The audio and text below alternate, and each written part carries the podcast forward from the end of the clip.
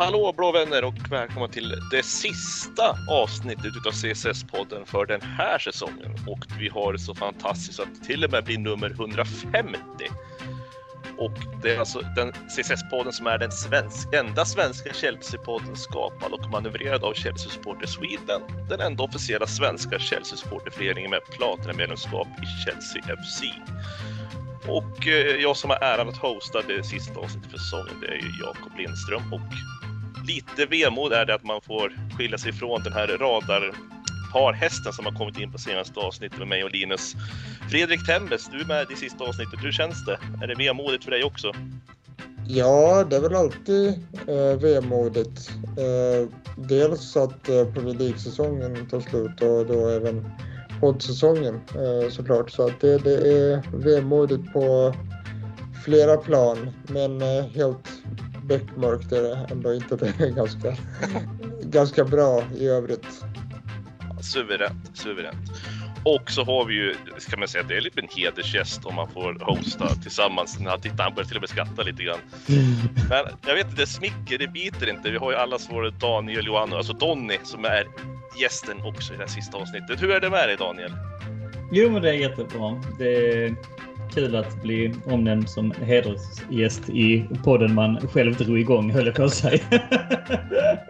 Men jag förstår var du kommer ifrån och det är kul att vara på den här sidan av mikrofonen också i detta specialavsnitt. Men innan vi blir för deppiga får väl ändå säga att vi har lite planer här i sommar på att spela in lite specialavsnitt. Det är ju det att det är det sista liksom standardavsnittet om man säger så, men ändå med lite specialinslag som vi spelar in här och sen är det lite flytande. Vi ska ju sjösätta en ny redaktion och vi ska staka ut eh, nästa säsong, planer inför nästa säsong och så vidare. Så att eh, det kommer inte bli lika frekvent och lika uppstyrt kanske som det har varit. För att det har det varit den här säsongen. Det får vi ändå ge oss själva. Det har varit frekvent. Vi har inte missat någon vecka. Det har varit en fin balans mellan olika gäster och, och olika typer av avsnitt och så vidare. Så att eh, just eh, den eh, jargongen, den snurran stannar ju här som du är inne på. Men vi kommer ju inte släppa er vind för våg över sommaren utan förhoppningen är ju såklart att vi ska dyka upp lite grann, eh, lite sporadiskt och, och, och ge er eh, lite avsnitt som ni kan lyssna på under sommarens gång också. Ja, bara för, att det, bara för att det är sista avsnittet för säsongen som lyder så är det ju inte så att det är sista avsnittet för året. Det är inte så vi menar. Precis. Eh, och vi har ju en, det är en fullsmetad agenda vi har. Jag tänker inte gå igenom och säga exakt allt vi kommer gå igenom, men kortfattat så kommer vi såklart sammanfatta den här säsongen som har varit verkligen berg och dalbana och ner till höger och vänster och fram och tillbaka och vad man nu vill kalla det. Eh, vi kommer kika lite grann in på spelartruppen och se vilka aktuella till en fortsättning och vilka skulle vi kunna tänka oss att skeppa iväg kortfattat. Och eh, givetvis eh, det nya det som varit klart här idag, i morse om jag inte missminner mig, eh, att regeringen godkänner och FA godkänner köpet för Källström och Todd Sen eh, får vi se, vi har lite överraskningar som kanske kommer in mot slutet av avsnittet eller liknande. Vi, eh, bah, ni hänger med i alla fall och lyssnar på det sista avsnittet för säsongen, alltså avsnitt 150 och vi börjar att gå igenom med en liten snabb recap av matchen mot Watford.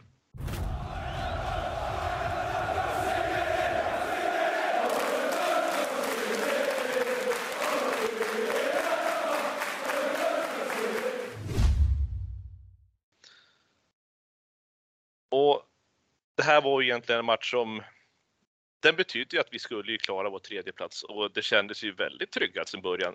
Daniel? Ja, men. Dina reaktioner på första, man kan börja på första halvlek. Mm. Uh, ja, ska vi inte backa bandet ännu mer och, och, reagera lite grann på startuppställningen? För att det blev ju lite snackis på sociala medier att uh, han ändå ställde upp med en sån uh, etablerad elva eh, som det ändå mm. var. Och det var väldigt många som hade önskat att få se lite mer ungdomar. Um, och det argumentet kan jag köpa. Uh, samtidigt så vill jag flika in, för att det blev lite storm med Fredrik Temmes, eller hur? Uh, vi som är, är Twitter-inbitna, jag och du, vi vet att, att Jakob sedan tidigare har proklamerat att han ännu inte har skaffat detta sociala verktyg. Det får du göra till nästa säsong Jakob. Men eh, visst det stormade det ordentligt på Twitter när startuppställningen kom? Ja, det gjorde det. Eh, precis som du säger så var det många som, som ville som ville se ungdomar som Lewis Hall och Harvey Vale och Jude Sunsa Bell. Mm. Men så blev det inte utan man, man valde ja, alltså en väldigt reservbetonad elva med Kennedy till exempel som kom in eh, som en total överraskning från vänster med tanke på att han knappt spelat och sådär. Så att det var, var, en hel del uppståndelse på Twitter inför matchen, det stämmer. Sen samtidigt så kan man ju förstå att alltså, det jag tycker försvinner i den diskussionen det är ju att eh, Tuchel känner ju de här spelarna bäst. Det finns ju en anledning till att han avbröt Kennedys lån. Det finns ju en anledning att eh, Saul varvades in eh, på ett lån. Ehm, det finns kanske är det så att det, det sista avtrycket Ross Barkley gjorde var ju att skjuta över i en match i julas och sen i princip inte få några chanser överhuvudtaget alls. Det finns ju anledningar till att han gav de här spelarna eh, några minuter också va, och belöna dem. Han har ju trots allt bäst relation med spelarna i A-truppen och det är klart att vi som supportrar gärna ser att ungdomar och ynglingar från de egna leden ska gå före spelare som mest troligt inte har en framtid i klubben. Samtidigt så min mjuka sida förstår ändå att han valde att ge de här spelarna lite minuter här som en, som en fin gest och som kanske tack för, för att de har kämpat eh, i det tysta och inte fått så mycket minuter under hela säsongens gång. Så att eh, jag kan ändå köpa det till viss del. Men kan, nu ska jag flika in det, va? men kan det vara så att eh, Tuchel också kände någonstans en oro att han kanske skulle tappa tredjeplatsen och ändå ville säkra upp den här startelvan med det han visste skulle kunna besegra Watford? Det tror jag nu kan ligga eh, som bakgrund också. Sen så kan man ju då ifrågasätta om inte liksom de ungdomarna som vi precis nämnde kanske är likvärdiga med, med, med Kennedy och, och, och Ross Barkley. Men alltså men... Som, som, Eh, sen var det också så att vi, vi kunde i princip inte tappa den där tredjeplatsen i, i sista matchen. Alltså för, för, att det hade, för att, för att det skulle hända så hade, hade Spurs behövt, behövt hämta in 18 eller 19 plus mål. Liksom. Så det, det, var ju, det var ju klappat och klart. Eh, mm. För att återkoppla till, till det här du sa Daniel, jag, jag köper det argumentet till viss del men samtidigt så tycker jag att det är viktigt att man signalerar för ungdomarna liksom att det finns en, en väg in i truppen. Alltså mm. inte, mm. inte minst med tanke på att vi ändå tappat spelare som Louis Bate och eh, Tino Livramento och sådana mm. spelare liksom.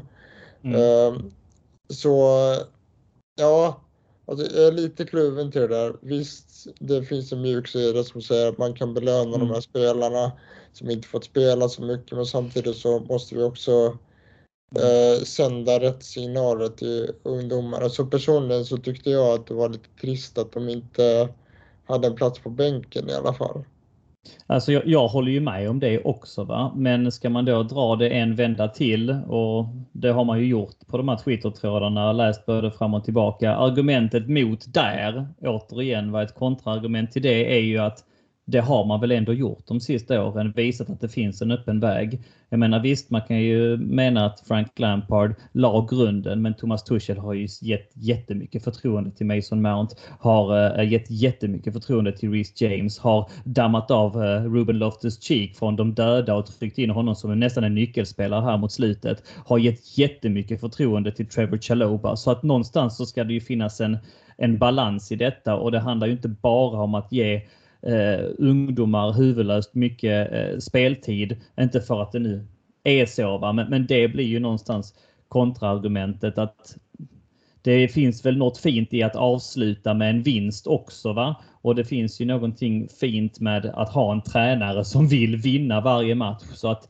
hade man ställt upp här med, med idel, vad sänder det då ut för signaler till de här spelarna som vi vet ju inte alla signaler vi får från träningsanläggningen är ju exempelvis att Bruce Barkley har varit ett superproffs den här säsongen. Är inte han värd några minuter i, i den avslutande matchen i ligan då? Medan då spelare som, som Harvey Vale och, och Sunsa Bell förmodligen kommer få sina chanser framöver. Ja, vi kan vrida och vända på detta hur mycket som helst, men jag, återigen, jag, jag tror vi står varandra jäkligt nära här. Jag bara liksom, det, det är intressant att diskutera fram och tillbaka lite grann bara för att se båda sidorna av myntet. Men jag tänkte om vi ska eh, diskutera även spelarna som var på planen och inte var på planen. Mm. Ligger någonting i det här nu? Nu går väl lite händelserna i förväg, men till exempel att en eh, Lukaku inte fick komma in och spela eh, sista hemmamatchen för säsongen. Eh, sänder det ut några signaler också, tycker ni? Alltså det går ju det går ju att tolka och övertolka det där eh, egentligen fram och tillbaka. Därför man, eh, samtidigt så kan man ju se det som en signal att eh, Aspilicueta spelar från start till exempel i en potentiellt eh, sista match och sådär. Så jag, jag, vet inte om jag drar så jättestora växlar i att eh, Lukaku inte fick komma in i, i, just den här matchen, men det är som sagt svårt att veta. Jag, jag får ändå, som sagt, nu, nu går vi händelserna i förväg här, men jag, jag har ändå på känn att han kommer stanna. Men vi, vi återkommer till det längre fram. Mm. Absolut. Jag tänker att vi kanske kan lämna laguppställningen därhen. Matchen i sig blåser vi väl bara över. Det var väl målande, var det inte det grabbar, för säsongen eh, i sin helhet. I, i, i termer om statistik. Eh, liksom eh, 19, skål, eh, 19 skott mot 8, 72, 28 i bollinnehav. Enda som var väl lite skillnaden var att vi fick in det där förlösande sista målet. Men annars så tycker jag att den här matchen talar ett tydligt språk för säsongen som helhet. Att vi ligger på, vi pressar, eh, men den där sista gnistan, den där sista spetsen. Den där eh, spelaren som vi hade en gång i tiden i Hazard som kunde dra liksom tre, fyra spelare och sätta den i krysset. Eller, eller den där killer Eh, anfallaren längst fram som man vet de nickar in en, en tilltrasslad situation eller någonting. Den där sista spetsen har, har lyst med sin frånvaro den här säsongen och det har varit många matcher där vi har dominerat, fört spelet men där liksom spetsen, avsaknad av spets har, har eh, förkroppsligats i oavgjorda resultat. Så att jag tyckte att eh, å ena sidan bra att vi kom iväg men ändå fick avsluta med en vinst. Å andra sidan är det så här det har sett ut rätt mycket eh, hela säsongen väl summerat, skulle jag säga, utav eh, matchen mot Watford. Temmes, hade du någonting du ville tillägga? Jag vill väl egentligen bara tillägga att jag tyckte att det var fint att uh, Rydiger blev utbytt så att han blev ordentligt avtackad efter, efter sin tid i, i klubben. Uh, det tyckte jag var väldigt kul. Mm. Verkligen, det håller jag med om också. Fint också vad det verkar som så var det nya Eh, Eh, ägandeskapet, om man får kalla det så, på plats igen. Och eh, även nere i spelartunneln och, och eh, tog i hand med alla som, som gick in och ut där, alla spelare och, och, och Tuchel och har verkligen liksom presenterat sig på allvar nu och, och, och satt sin, sitt fotavtryck på Stamford Bridge. Och förhoppningsvis är det fotavtrycket en, en språngbräda ut i, i framtiden. Och med de eh, senaste rapporterna nu här som har kommit i dagarna. Jag tycker faktiskt att vi har gjort ett jäkla bra jobb både och redaktionens vägnar men även här i podden eh, och, och stor fjäder i hatten till dig då också Fredrik Temmes. Men även lite till mig och Fredrik Pavlidis som har återkommit eh, om, om denna cirkus och detta tilltrasslade nät.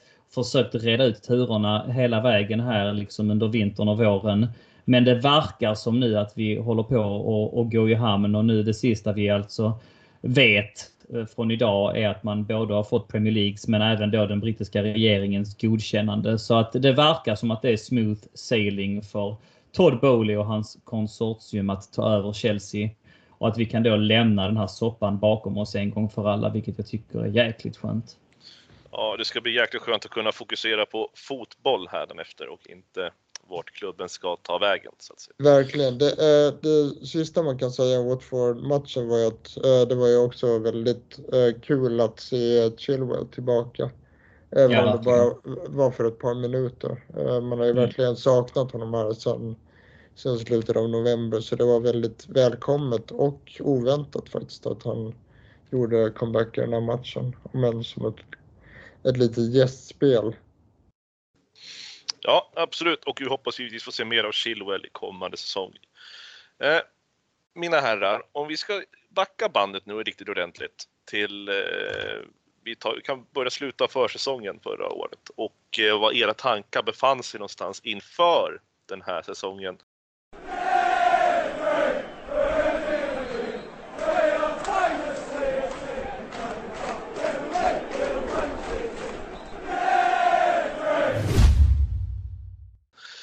Eh, Daniel, jag tänker att du kan ju börja med att eh, tänka, vad hade du för inställning till det här laget som eh, stod redo på premiärdagen? Jag brukar alltid eh, låta hjärtat ta över och jag hade ganska höga förhoppningar faktiskt. Jag tyckte att vi hade gjort vettiga förstärkningar. Jag tyckte att eh, den unga trupp vi hade hade fått hade blivit liksom ett år mer sammansvetsad. Många hade blivit ett år äldre, vilket jag tror eh, hade behövts eller trodde på förhand skulle liksom eh, bära frukt på ett annat sätt än vad det har gjort. Um, som sagt, Tuchels eh, första försäsong, um, stjärnvärvning av, av Lukaku. Det var mycket där som gjorde att jag tänkte och trodde att vi kommer nog kunna att eh, ta ut kampen med City och Liverpool på riktigt. Eh, jag, jag hade högre förhoppningar än vad resultatet eh, föll ut, det ska jag vara ärlig och säga jag tror du inte var ensam om det. Jag hade faktiskt eh, samma förhoppningar. Men de som har lyssnat på podden från att jag kom in från början vet ju min skeptiska inställning mot Lukaku. Mm. Och eh, tyvärr så besannades ju mycket av det som jag pratade om i det för allra första avsnittet som vi spelade in. Mm. Eh, vilket absolut inte är kul att skryta med så här i efterhand, men lite kudos för en klapp på axeln får man väl kanske ge sig själv för att man är lite siare. Eh, men TMS, vad hade du? Någon liknande syn som Daniel eller har du helt tvärt emot? Nej, eh, inför säsongen så tippade jag oss som tvåa. Eh, jag trodde inte att vi skulle vinna ligan, men jag trodde i alla fall att vi skulle vara med och utmana och åtminstone minska avståndet till toppen rejält. Eh, med facit i hand så gjorde vi inte det. Eh, vi slutade 19 poäng efter City den här säsongen jämfört med 17 den förra. Så allt som allt så tycker jag att det, det är en underprestation i ligan.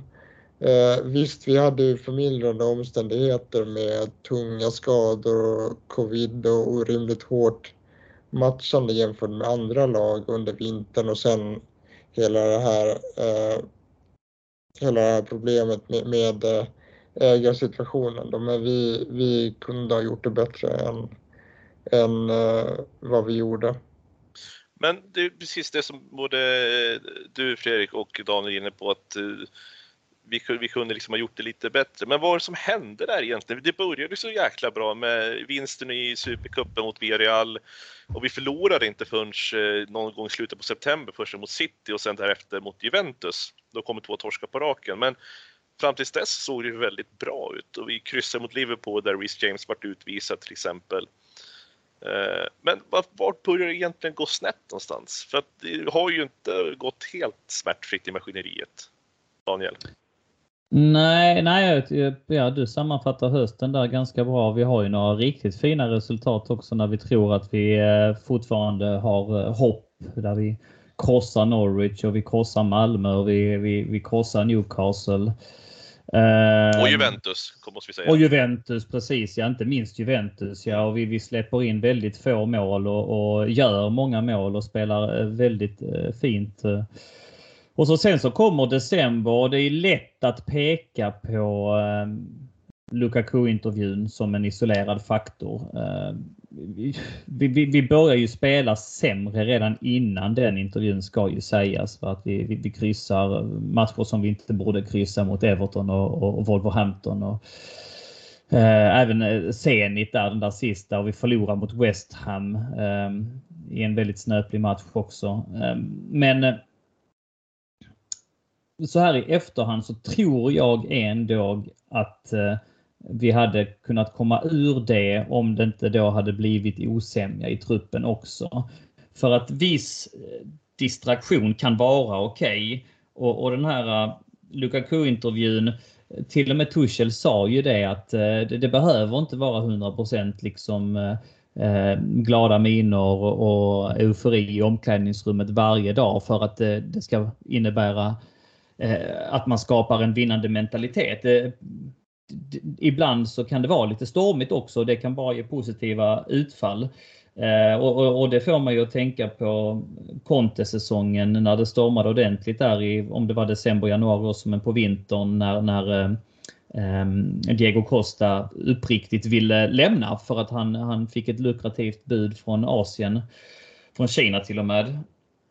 Eh, och, och Conte skötte ju det väldigt snyggt bakom stängda dörrar och eh, det svetsade ju snarare samman laget om man gick och vann ligan. Så att ibland kan det få den effekten. Den här gången blev det inte så. Det är lätt att, att peka på, men sen hände som Fredrik Temmes då eh, nämner väldigt mycket mer. Va? Så att det är inte bara det här när det följs upp va? med en dum intervju, lite osämja, många skador.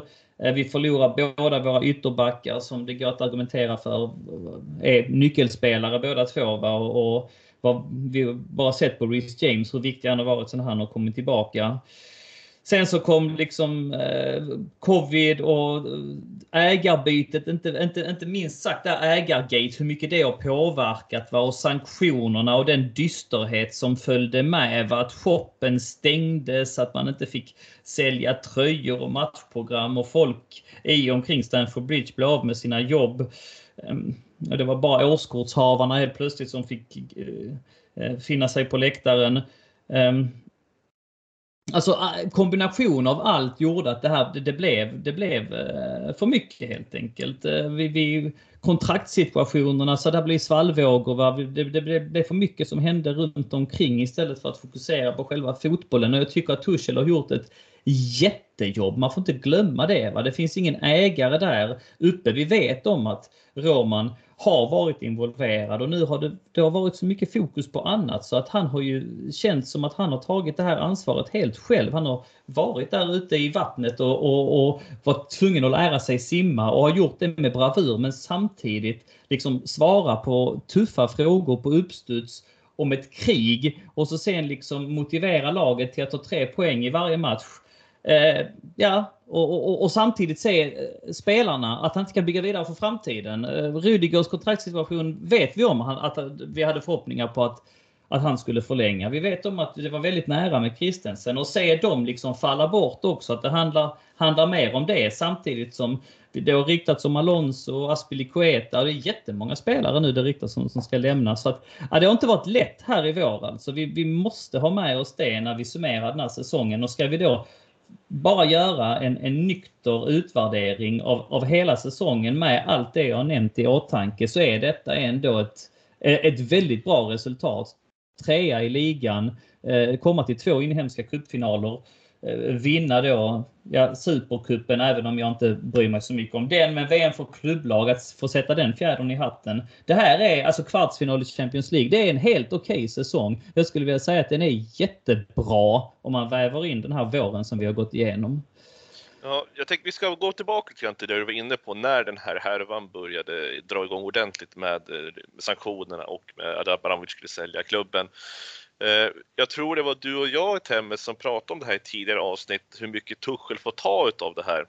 Just som Daniel var inne på, att eh, han, eh, han är verkligen fått där till simma nu. Inte bara som fotbollstränare och ansikte utåt för det här manskapet som är på plan, utan han får även svara på frågor som jag i mitt tycke egentligen inte tycker att han ska vara ansvarig att uh, sätta sina ord på. Utan vi hade ju efterfrågat här till exempel fått någon, större, någon kommentar snabbare har från Bruce Buck till exempel eller någon från eh, ledningen att det skulle komma ner någon och kanske berätta hur det ligger till och vart de ligger i processen. Eh, hur mycket tror du Fredrik att det här påverkar en spelartrupp som redan är lite sargade mot eh, det som hände där med Lukaku och skador och det är ju oroligt på mångt och mycket. Men sätter sig det här mycket i huvudet på spelarna? Ja, alltså i början så verkar det inte som att det gjorde det alls. Eh, faktum är att vi hade sex raka vinster från det att ägartrasslet började till det att vi förlorade mot Brentford. Men sen till slut så eh, tror jag ändå att det tog ut sin rätt och det var säkert en av förklaringarna till att vi spelade så jävla svagt, eh, rent ut sagt, under, under sista månaden. Men, men det är ju, det är alltså den bredare analysen är ju precis det som uh, Donny redan har varit inne på, liksom att det, det, var, det var en himla massa, himla massa faktorer och sammantaget så blev det alldeles för mycket. Eh, jag tyckte att du du eh, utmärkte Lukaku-intervjun som någon slags vändpunkt. För mig så var det så var det liksom så att säsongen både pikade och vände i, i segern mot eh, Juve där. Vi hade mm. gjort en väldigt stark match mot, mot Leicester precis innan och, och defilerade ut eh, Juve med 4-0 och där och då så tycker jag faktiskt att vi var världens bästa lag eh, på mm. form. Mm.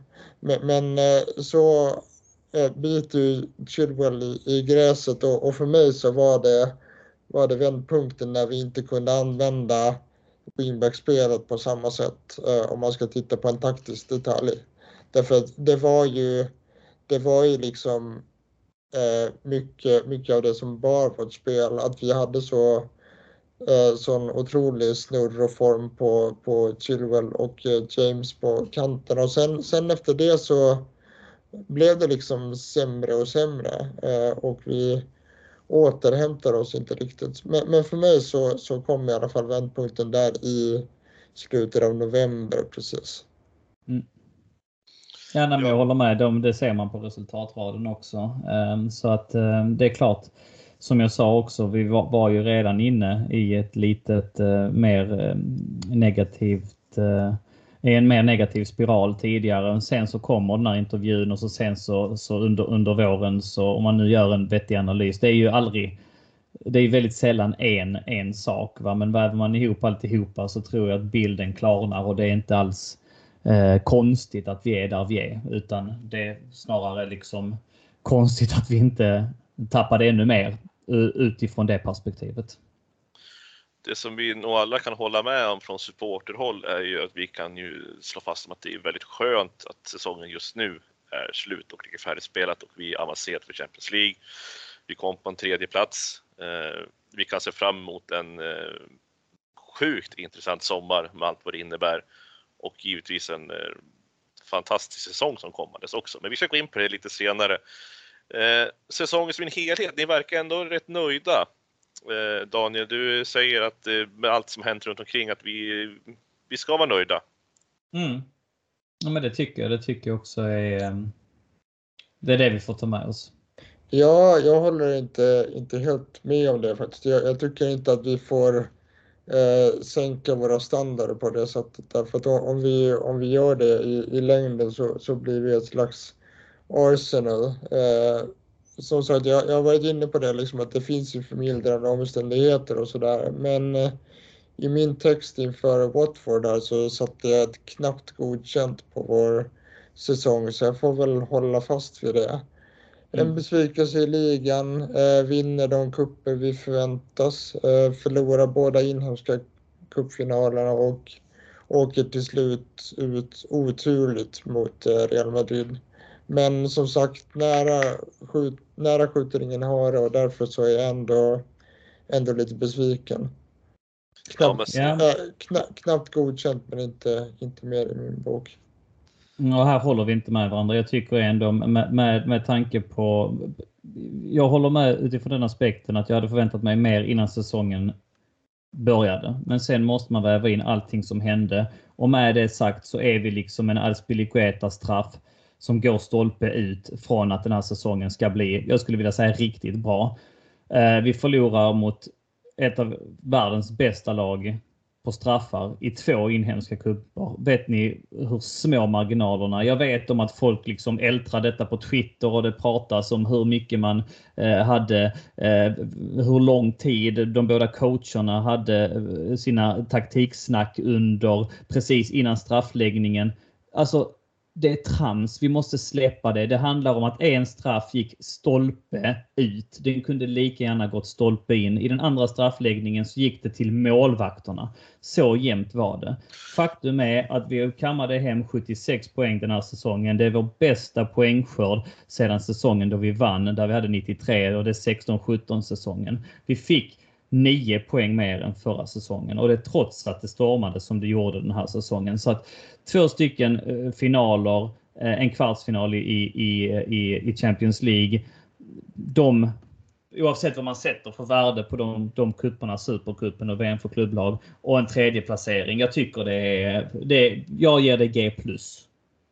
Mm, jag, är med, jag är med på den jag också faktiskt. Och likadant där du var inne på med straffarna där med Aspelikuetas eh, stolpträff. Och det ska överanalyseras ganska mycket ibland. Eh, vi är ju mm. trots allt, fotbollsspelarna som är plan är ju trots allt också bara människor.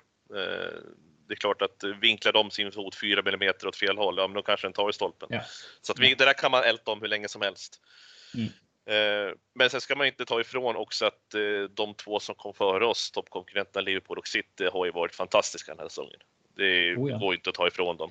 Ja, och, och inte bara den här säsongen. Alltså, för mig så är det bara att lägga sig platt och erkänna att City och Liverpool är överlägset bäst i världen just nu och har ju varit det de senaste säsongerna. Och jag, jag tycker ärligt talat att eh, de är föregångare klubbar också sett till hur de styrs och eh, är ju ett bevis på att långsiktighet och en tydlig strategi är ett vinnande koncept. Eh, samtidigt så ska man också komma ihåg att de är mycket längre fram i sina processer än vad vi är. Eh, Klopp och Pep har ju fått jobba systematiskt och metodiskt med sina lag i 6-7 år och vi, är, vi har haft eh, Tuchel i ett och ett halvt. Mm. Eh, men eh, eh, det har jag nämnt förut, men, men min förhoppning är ju nu att vi anammar den här Liverpool-metoden och jobbar mer långsiktigt och, och strategiskt och liksom gör det på ett smart och konsekvent sätt. Men eh, eh utefter det man har läst så verkar det också vara, var den ansatsen som Bowley och Company kommer göra.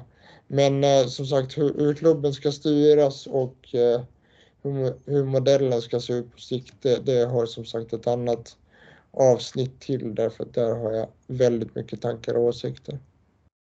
Vi gillar tankar och åsikter i den här podden. Speciellt när vi alla, alla ska vara oense. Men nu är det bara du Fredrik som är eh, negativt inställd till den här säsongen och eh, jag köper din förklaring men jag håller också fortfarande på ett godkänt eh, stadie precis som Daniel gör. Och vi har ju snackat om mycket om det här ägarbytet och hur det har påverkat. Men nu släpper vi lite grann det här som har varit.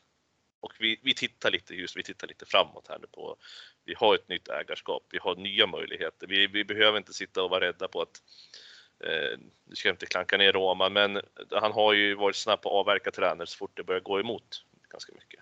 Och eh, vem vet, hade det varit så att Roma sitter kvar och den här säsongen det sett ut som har gjort, Tuchel hade, det är klart, det hade säkert eh, spekulerats i hans eh, vara eller icke vara i klubben. Det kan jag nästan vara 100% säker om.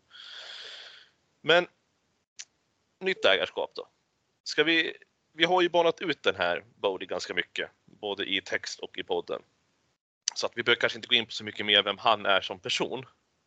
Utan jag tänker nu mer på att vi kanske ska se vad det här kommer betyda för vi, det som kommer närmast nu den här sommaren och högintressanta transferfönstret. Ehm, ska vi börja där Daniel, på den här nya eran ska vi säga att eh, the Roman Empire den är ju slut nu. Mm. Och uh, the New American Civilization som var de som uttryckte det påbörjas nu. Så att, uh, ska vi börja rent krasst. Vad ser du någonstans den här sommaren? Vart, vart kommer vi börja ta fart någonstans? Mm.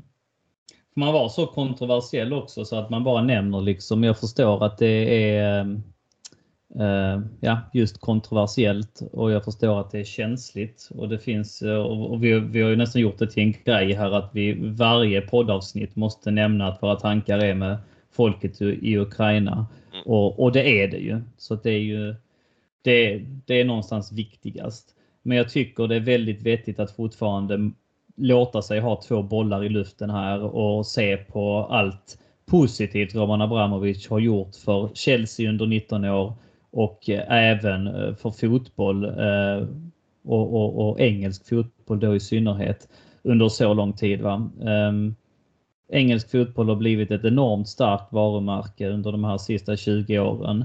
Ehm, det är ensamt på tronen idag som den bästa fotbollen som finns där ute. Det är den mest attraktiva ligan.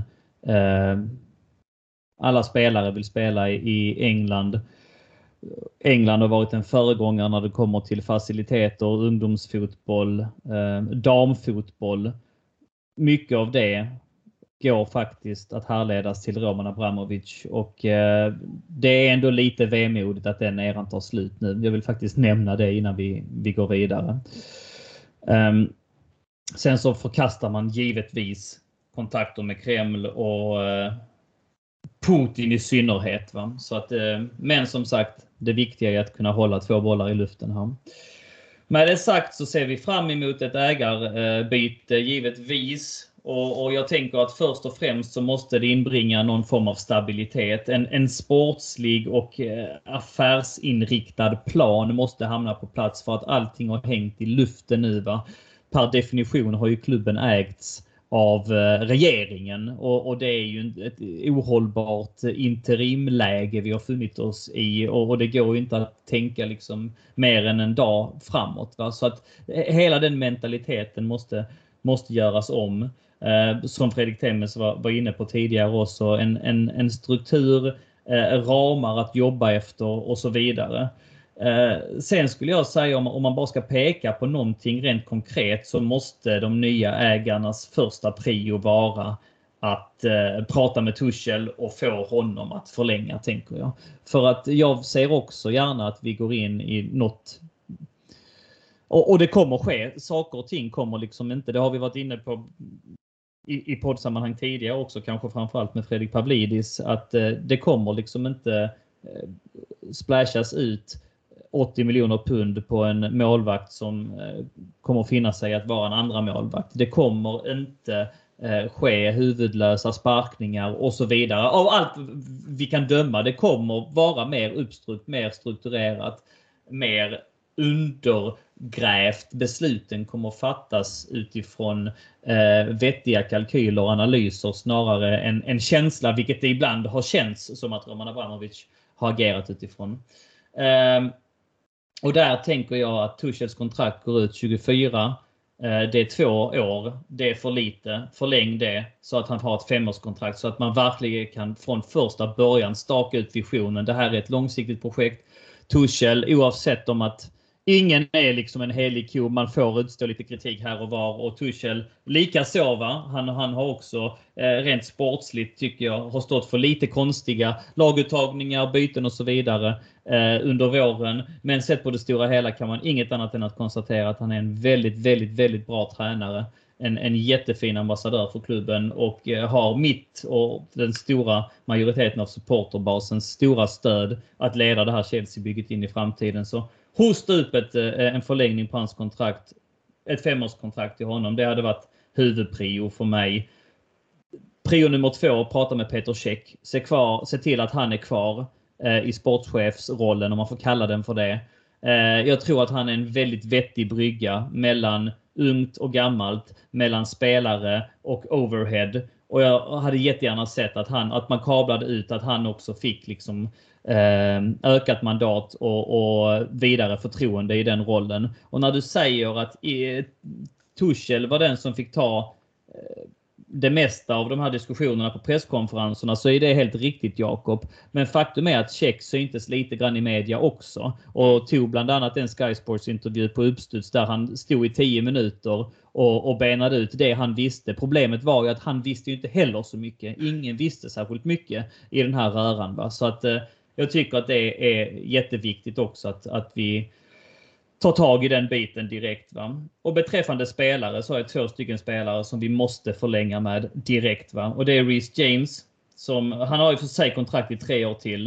Eh, och rykten gör gällande att han eh, var på väg att bli erbjuden en förlängning men att sanktionerna kom och att det inte blev så då på grund av det. Han tjänar i nuläget runt 50 miljoner pund i veckan vilket är kaffepengar om man jämför med vad han är värd och eh, vad, vad många andra eh, spelare av den statusen tjänar.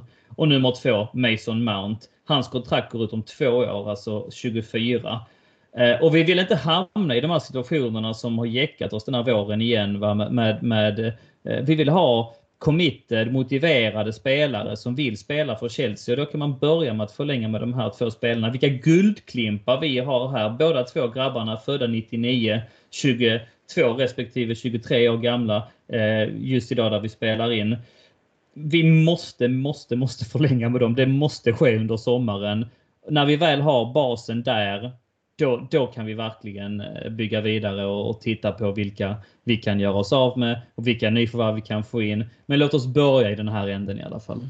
Ja, vi tänker vi inne på spelardelen där och vi ska gå bak lite grann och fortsätta prata om den sport eller den, vad ska man säga, den ledande kostymdelen mm. i klubben. Eh, där vet vi båda att både Marina Granovskaja och Bruce Buck har blivit erbjudna roller i Chelsea nu då under Bowleys eh, övertagande. Hur mycket betyder en sån här sak då till exempel Marina Fredrik, att hon eh, blir kvar i klubben? Hon som ändå har gjort så mycket med både förhandlingar och eh, kontrakt etc. under senare tid och även blivit prisad för det. Och att vi får ha kvar henne.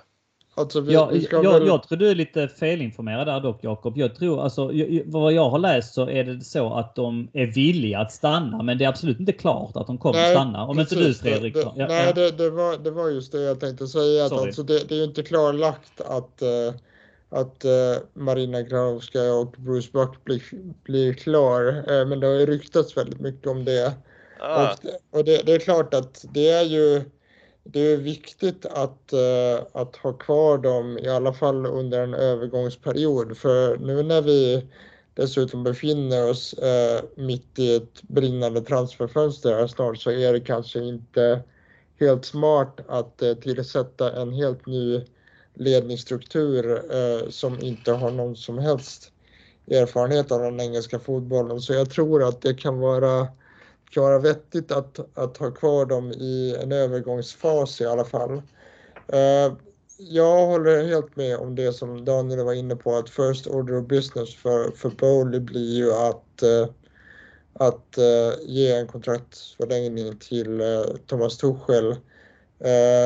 och andra order of business är för mig att tillsätta en tydlig director of football vid sidan av, av eh, Marina Granowska.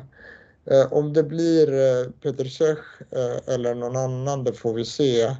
Men jag, jag, tycker i alla fall att det är viktigt att vi, att vi sätter en tydlig, en tydlig roll där så att, eh, så att de sportsliga besluten inte landar hos eh, Marina. Därför vi, vi ska ju komma ihåg att ja, hon är en av Europas bästa klubbledare och det är väldigt bra att hon blir kvar eh, eventuellt då under en period. Men hon kan inte få sköta det sportsliga utan där måste vi ha någon som liksom stakar ut den fotbollsmässiga vägen långsiktigt. Att vi då sätter på plats liksom vilken fotbollsfilosofi ska vi ha? Hur ska vi spela? Vad ser vi klubben om fem år? Så att det liksom finns en tydlig röd tråd i, i det fotbollsmässiga på ett sätt som vi inte haft tidigare. Men eh, för att återknyta till din fråga, jag, jag ser det absolut som positivt om det blir så att Marina Granovska och Bruce Buck eh, stannar här i, i, kanske ett halvår i alla fall och, och sen får Foley och Company helt enkelt utvärdera huruvida man ska försöka knyta till sig dem på lång sikt eller om man känner att man ska bryta upp och eh, göra nytt. Men eh, att göra det just nu vore inte rätt tidpunkt i alla fall. Nej, och jag ska bara korrigera mig själv där med att jag hade två artiklar öppna om det där ärendet med Granskar Bruce Buck och jag skulle läsa den från Financial Times men jag läste den som var från eh, sportsindustries.com så att det var lite fel där. Men de båda handlade om ungefär samma saker, bara att de var formulerade på olika sätt. Eh, men den ledningen i alla fall har varit inne och likadant på vilka som är viktigaste med att förlänga i spelarväg. Ska vi, det som vi skulle kunna släppa då i spelarväg, om vi ska beta av om jag börjar nu med de här tre eh, burväktarna vi har. Vi har Bettinelli, Kepa och Mendy. Mendy är ju såklart självklart eh, kvar i laget och det finns ju liksom ingenting som ryktas om att han ens ska vara på väg härifrån.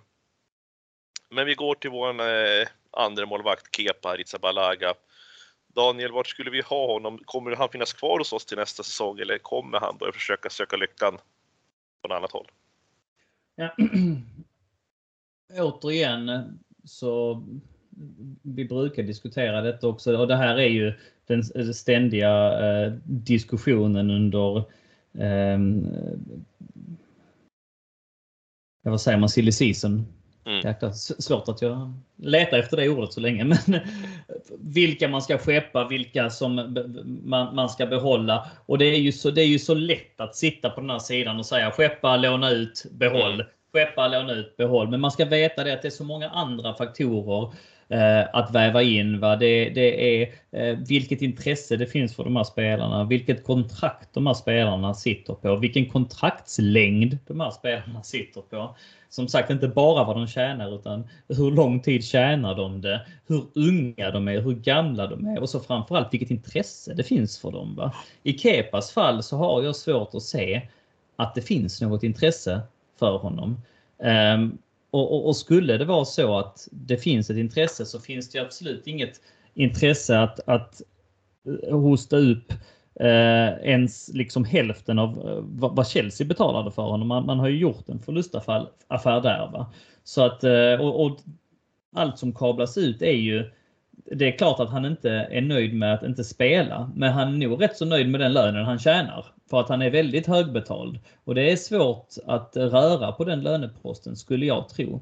I, i min värld, visst, får vi en 25-30 miljoner pund för honom. Det är bara att ta och, och, och, sälja honom för att jag tycker inte att han är bra nog. Eh, är det så att han vill sitta kvar så kan han agera andra målvakt. Det, det, det spelar inte mig någon roll så länge vi behåller Mendy. Det, det är ju det viktiga. Eh, kan man låna ut honom så ja visst så blir man av med den löneposten. Men eh, ja, kommer det in ett, ett hyfsat bud för honom så tycker jag att det är bara att sälja. Mm, mm. Ja, jag håller inte helt med där faktiskt. Eh, jag tror till skillnad från dig att det faktiskt finns klubbar som skulle kunna tänka sig att, att ta honom nu, för han har ju trots allt spelat upp sig här den senaste säsongen tycker jag och jag tycker absolut att att eh, han, eh, han är en väldigt bra andra målvakt. Så kan han tänka sig att, att stanna kvar i den tydligt definierade rollen, ja men då, då behåller jag honom gärna. Men, eh, men jag förstår om han själv vill ha om han själv har högre ambitioner och vill vara första spade i, säg ett, eh, ett lag precis under toppskiktet i Spanien till exempel om man skulle gå tillbaka till eh, Atletic eller, eller till eh, eh, Sevilla som ju inte har någon toppenmålvakt. Så jag tror att det kan finnas ett intresse och jag tror mycket väl att han själv vill gå. Men vill han stanna kvar som en, eh, en pålitlig backup till Mandi så, så är han välkommen att göra det, i min bok i alla fall jag skulle nästan flika in där och uh, ge min kommentar på Kepa-situationen som jag varit inne på tidigare i podden. Att jag tycker fortfarande att han har inte bevisat, för mig i alla fall, uh, sen är det klart att det är inte mina ögon som bestämmer och dömer vart han ska ta vägen, eller, varken på plan eller eh, från klubben, utan jag känner mig att han har nog inte spelat så mycket tillräckliga matcher som han gjorde under Lampards tid till exempel, så man kan göra en större bedömning utav om han är fit eller bra för att skickas iväg för en bra peng eller eh, om vi ska fortsätta använda dem som andra fjol. Det är mycket givetvis hans eget tycke. Men jag tycker fortfarande att han eh, inte har höjt sig på något sådant sätt i mina ögon ännu. Eh, han har givetvis inte stått för de här tabbarna som han gjorde förut, men det är ju också för att han har ju inte spelat så många matcher så vi kan få den helhetsbedömningen. Ehm, jag, jag kanske ska klargöra det då, att jag, jag, tycker absolut inte att han på något sätt ska konkurrera med, med Mandi. Eh, han är absolut inte så bra. Men han, han är definitivt tillräckligt bra för att vara andra målvakt. Det tycker jag. Ja. Eh, sen har vi den här väldigt trassliga situationen nu i vår backlinje. Vart eh, det här ska ta vägen någonstans nu. Aspilicueta, Christensen, Marcos Alonso, alla de tre har varit på ryktenas eh, tapeter här nu med att de är på väg till Barcelona. Och Rydiger vet vi som bekant, han har ju eh, gjort, lämnat ett avsked till oss för några dagar sedan här med en gripande text, måste jag säga, för de som har läst den. Men det här är ändå, ska vi säga, en kugg i försvaret då, om vi säger Aspilicueta. Men som på senare tid då man märker åldern börjar komma ikapp, han är inte lika rapp längre. Daniel, vart står vi någonstans här nu egentligen om vi blir av med de här tre försvararna? Mm. Ja, då har vi problem.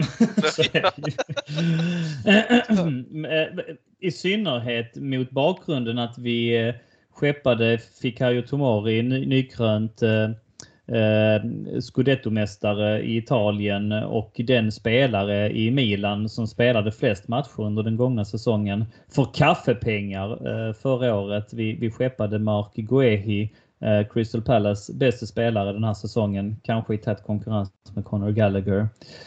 Um, vi, vi skeppade Kurt Zuma, det, det i och för sig kanske visade var rätt eh, då det bubblade fram att han hade en fetisch som eh, jag och många andra inte riktigt eh, uppskattar genom att slå på katter och det blir ju rättegång och, och så vidare. där. Så det kanske visade sig vara rätt, men rent fotbollstekniskt så har vi skeppat tre stycken väldigt kompetenta mittbackar eh, och hamnat i en situation nu som du säger med, med fyra stycken kompetenta backar som är på väg ut och vi är kvar med Thiago Silva egentligen i, i mittförsvaret och det är klart att det inte räcker.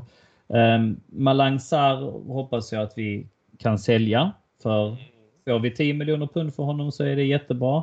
Och så sen så har vi ju en grabb i, som spelar Championship-final, eller hur Fredrik Temmes? I, eh, om jag inte är helt felinformerad, i Levi Coldwell från Huddersfield som har varit en av ligans absolut bästa mittbackar. Du har, brukar ha lite bättre koll på ynglingarna men så vitt jag vet så är det bedömare som gör gällande att han kan komma och att ta en plats i, i Chelseas A-lag redan nästa säsong. Ja, han har ju varit helt fenomenal i Championship som, som du mm. var inne på och jag tror absolut att han är mogen att ta en en truppplats i alla fall. Eh, så antingen att han då går in som, som något slags eh, rotationsalternativ eller att det blir ett eh, Premier League-lån till. Men jag, jag, tror absolut att han, han är mogen att ta steget in i truppen. Sen ska han ju inte vara en bärande spelare på något sätt. Men man ska absolut ge honom högre betyg för hans eh, insats i Huddersfield. Mm. Sen är det väl en eh, illa bevarad sanning att eh, Jules Kunde kommer komma in den här sommaren. Det kan man nästan slå klart och det har riktats hyfsat intensivt om Mattias Delicht också från Juventus. Men det är klart att vi måste förstärka på innerbacksplatserna. Eh, vad jag vet så har vi ju en buyback-klas på Mark Guehi. Den är ju rätt dyr och det är frågan ifall han vill komma tillbaka. Men Fikayo Tomori har vi inte det på. Eh, och det, det, det, Ja, vad sa du Fredrik? Alltså vi, vi har väl inte riktigt en, en buyback på, på Guehi däremot så... Är det bara en sån matching? Ja, eh, ja precis. Ja. Så, det betyder egentligen ingenting? Nej, eh, så att vi, vi har egentligen ingen buyback där och om vi ska gå in på, på eventuella nyförvärv då så så är det precis som du säger att eh, känns ju mer eller mindre klar så fort ägarskiftet går igenom.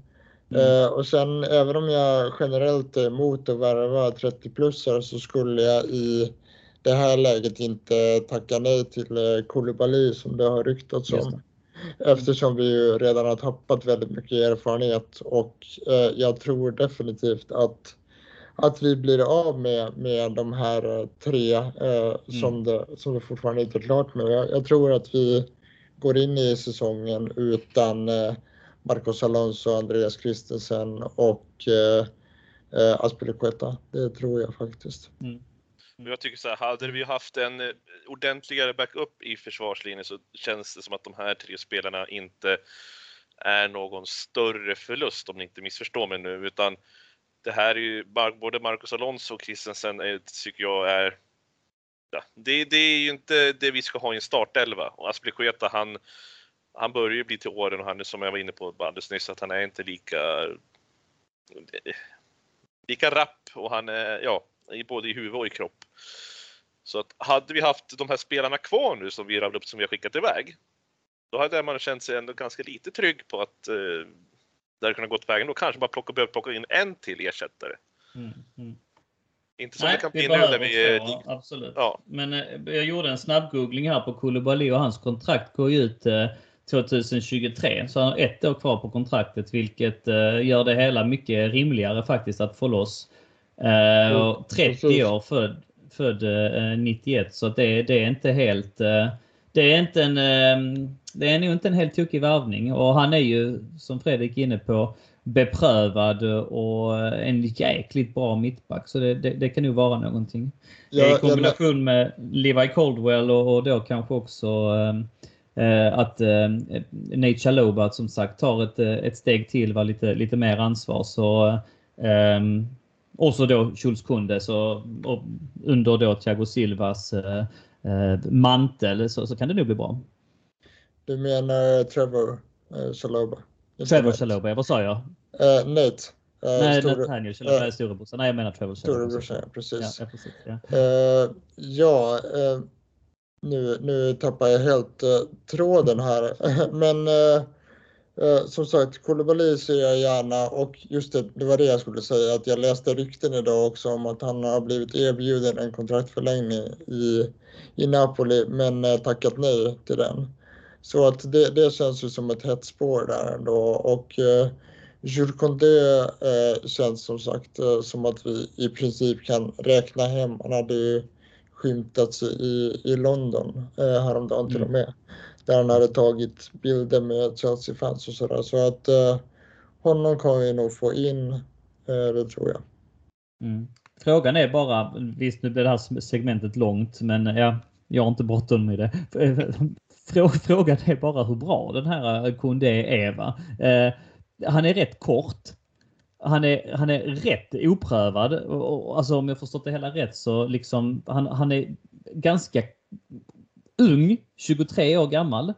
Eh, visst, spelat lite i eh, franska ligan, men alltså just nu så är han ju inte liksom, jag menar, Sevilla är väl inget, inget jättelag direkt. Och eh, ja, jag vet inte, jag är lite osäker. Han, han har blivit liksom hyllad till skyarna här, men man vet ju om att vad han gjort liksom två, tre säsonger på, på, på den högsta toppen. Det, det, är absolut ingen garanti, tycker jag. Va? Så Nej, att, eh, jag, jag har ju varit inne på det tidigare att jag har också mina, mina tvivelaktigheter kring, kring eh, Kondé. Eh, jag tror absolut inte att, att han liksom är en, en garanterad toppklass mittback direkt i Premier League. Det är ju som du säger att han, han känns ju spontant eh, väldigt kort och ganska klen för det, det fysiska eh, spelet i, i Premier League och jag, eh, jag är lite orolig för när han ska gå upp i, i nickduell mot eh, Harry Maguire och eh, Chris Wood och sådana spelare. Mm. Då kommer han ju stå sig ganska ganska slätt, även om han har eh, liksom en helt, helt hyfsad spänst för att vara var så kort så jag, jag förstår inte heller riktigt vurmen kring, eh, kring Kondé. det, det, där är ju, inte. det där kan vara också så jäkla farligt, har man märkt i tidigare fall. Dock har vi inte varit drabbade av det så mycket just i Chelsea, men just det att det blir mediala fotbollsspelare. Att det är media som är jäkligt duktiga på att hausa upp spelare och eh, på så sätt kommer även prislappen trissas upp. Mm att det är rykten florerar från andra klubbar och sen att hon lägger bud som inte stämmer. Allt det i det här också blir ett spel att eh, en klubb kanske ska lägga ut för mycket pengar för en spelare som inte blir eh, värd de pengarna om ni förstår vad jag menar. Mm. Att det här är ju en medial spelare tror jag att det här är, men jag tror att han är jäkligt bra, det är han ju. Men kommer han palla den här växlingen till Premier League och vad det innebär, det mm. som Fredrik var inne på med de här tuffa duellerna som kan utspela sig. för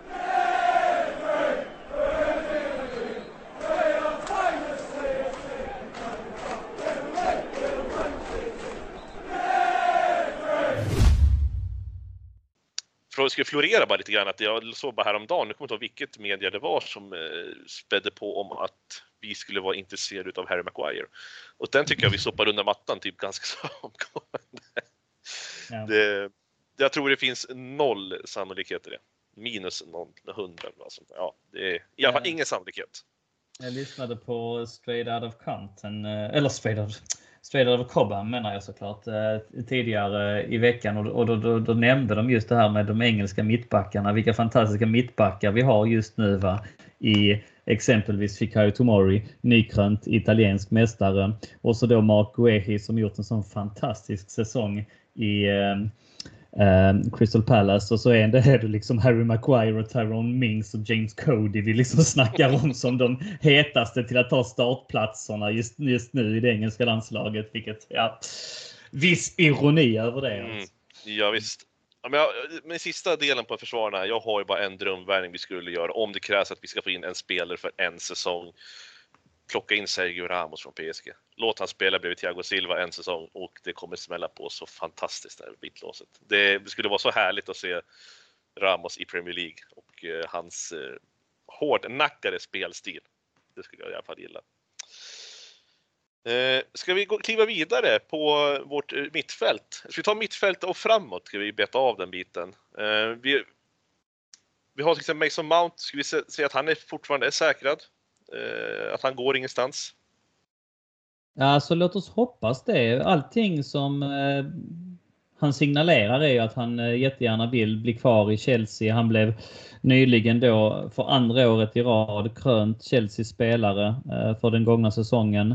Eh, välförtjänt kan jag tycka, även om han kanske var min tredje kandidat. Men det blir väl eh, eh, ett kvitto på att han är väldigt populär bland supportrar också. Så att ja, jag hoppas Hoppas verkligen att eh, att han, att han skriver på ett, ett nytt kontrakt så fort vi får lov att börja förhandla med spelare igen och dedikera sin framtid till oss för att han kan verkligen, han och Reece James, de kan nagla in sig i historieböckerna för väldigt lång tid framöver. Jag har sagt det tidigare men jag var liksom övertygad om att vi aldrig skulle få se en John Terry komma igen va? med den säsongen eller med den karriären han har haft i Chelsea.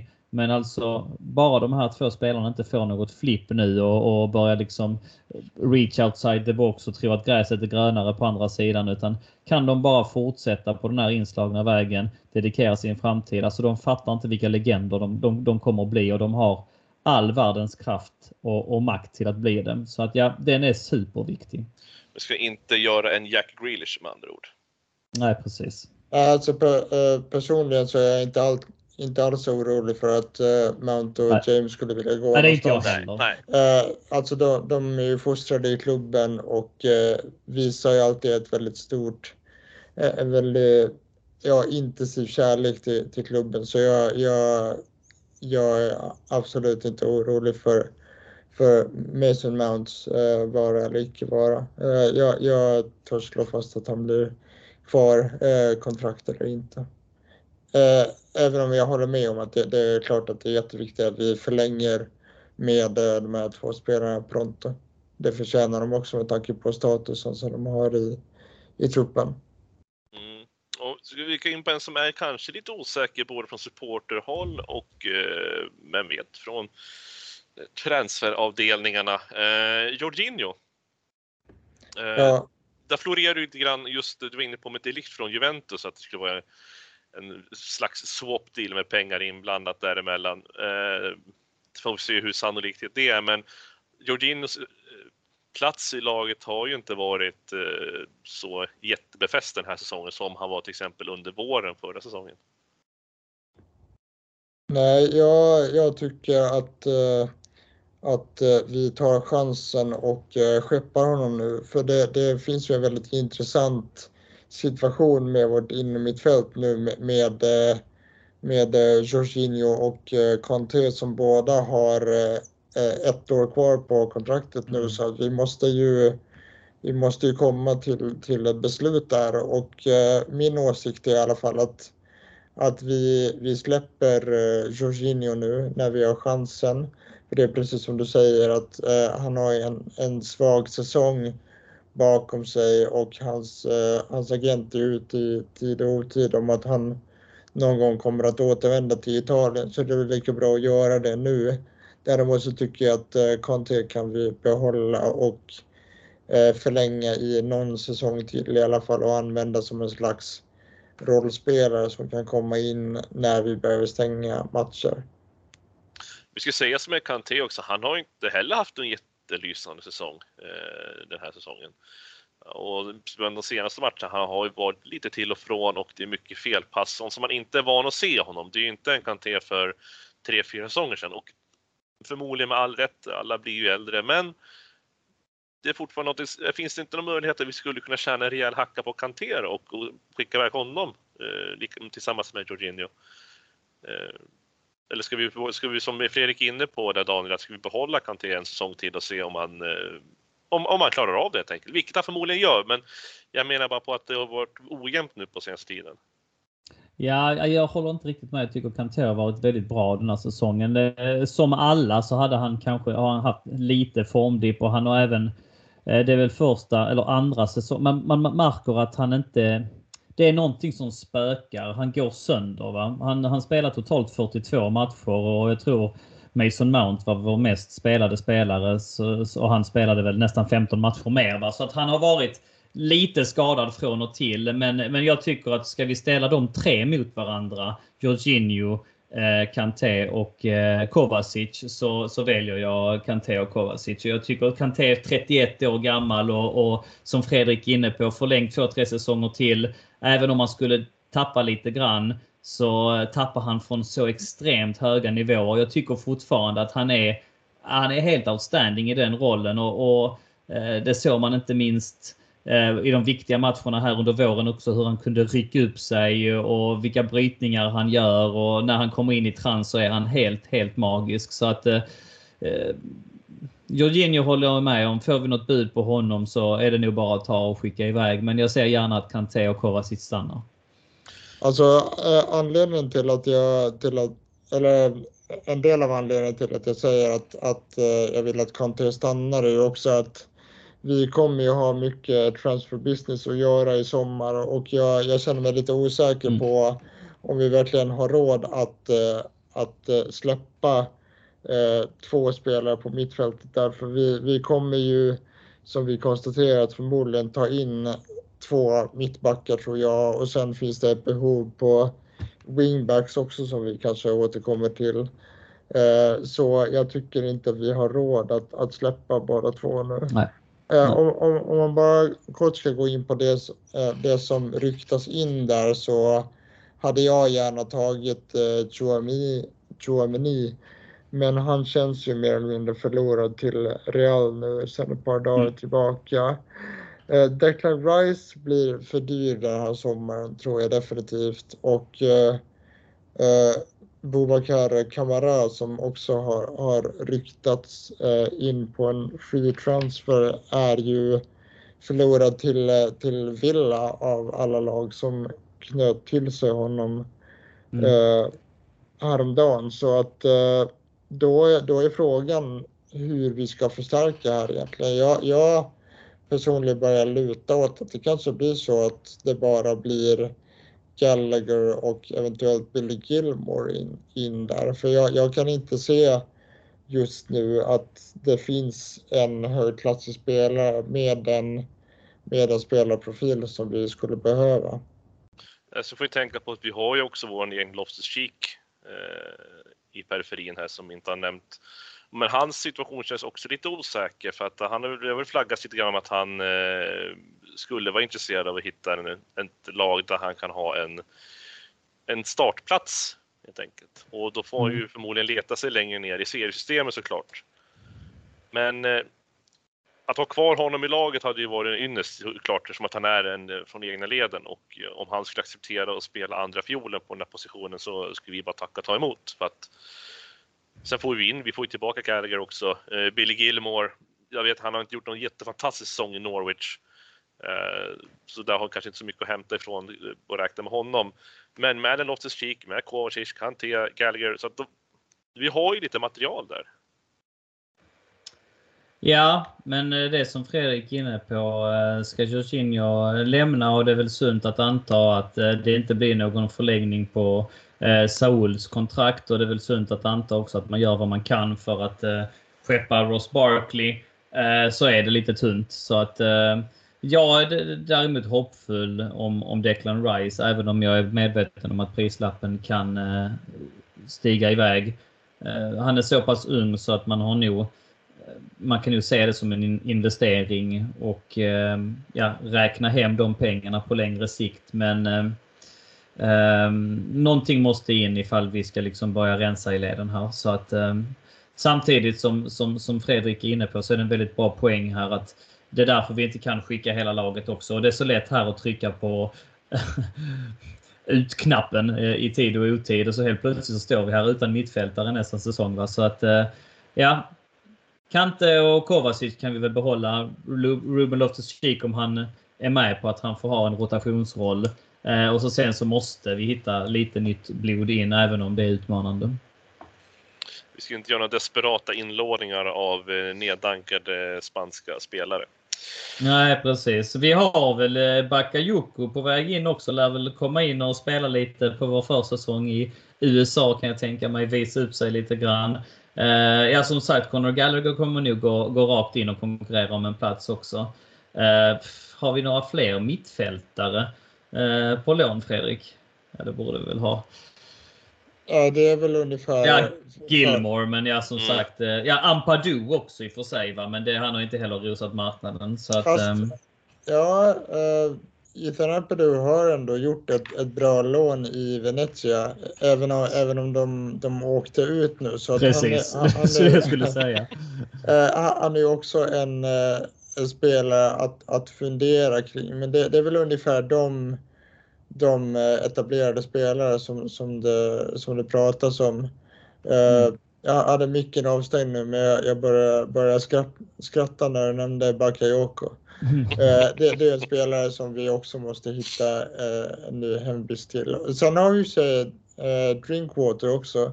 Men, men, men, men, tack och lov så går både han, hans och eh, Baba Rahmans kontrakt ut nu i sommar Just. och vi, vi, kan väl vi kan väl säga där eh, med, med 150 i säkerhet att det blir inga nya kontrakt för de lirarna. Mm. Men sen har vi på mittfältet då kanske vi kan få se att vi får in till exempel någon som uh, Harvey Vale eller Charlie Webster, Lewis Hall.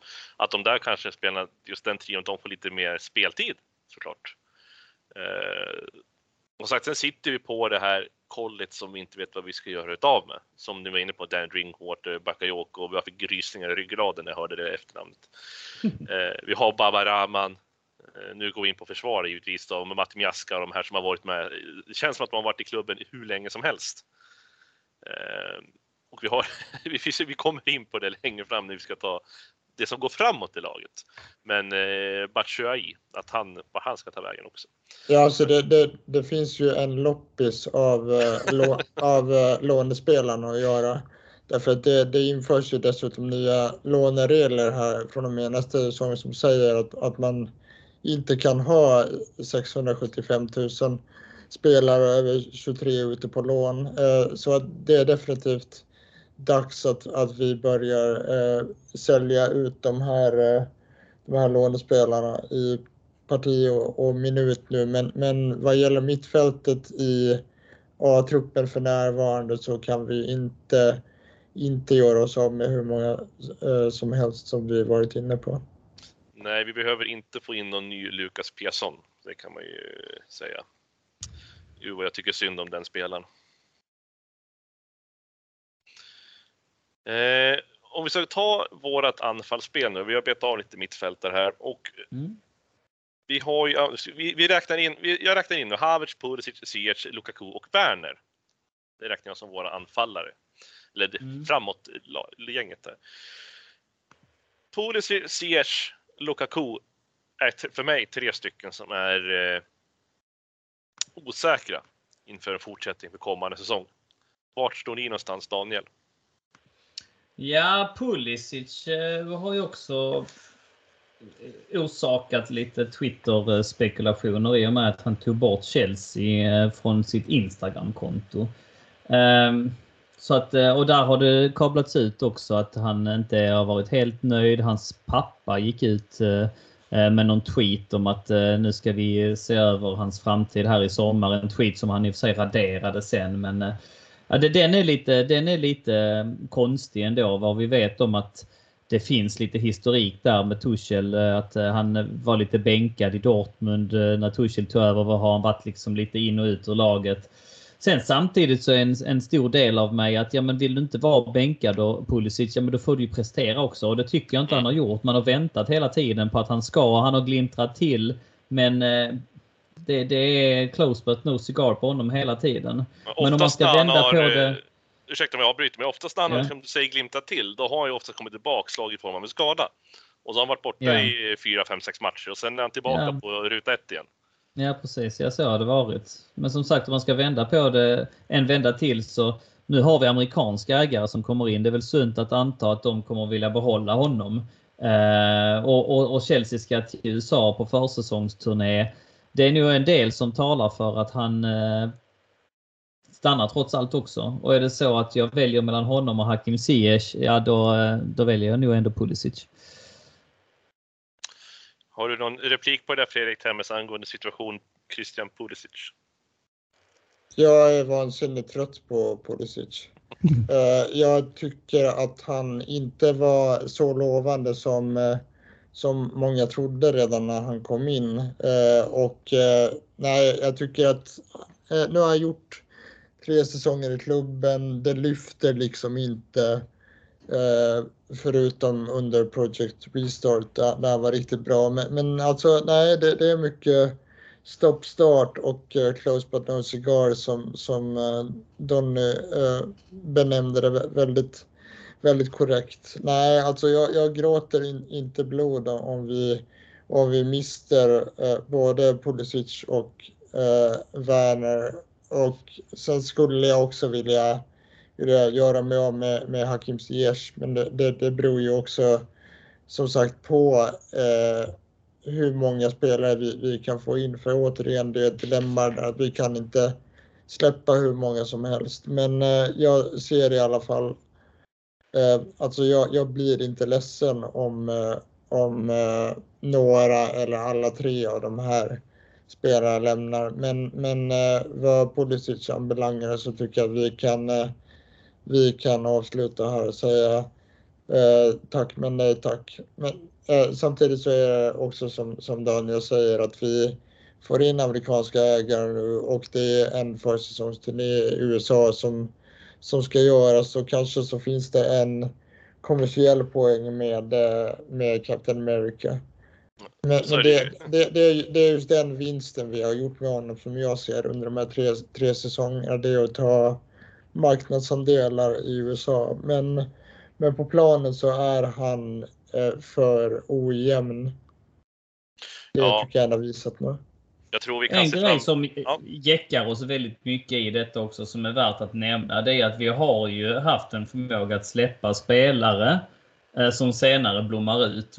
Och eh, någonting säger mig att Christian Pulisic kan vara en sån spelare. Han är trots allt bara 24 år gammal, eller 23. Han är inte ens 24 år fyllda. Han fyller 24 år i år. Så att eh, där finns kanske lite att ta av ändå. Va? Så att för mig får han gärna stanna. Även om jag, jag hör allt Fredrik säger i detta också.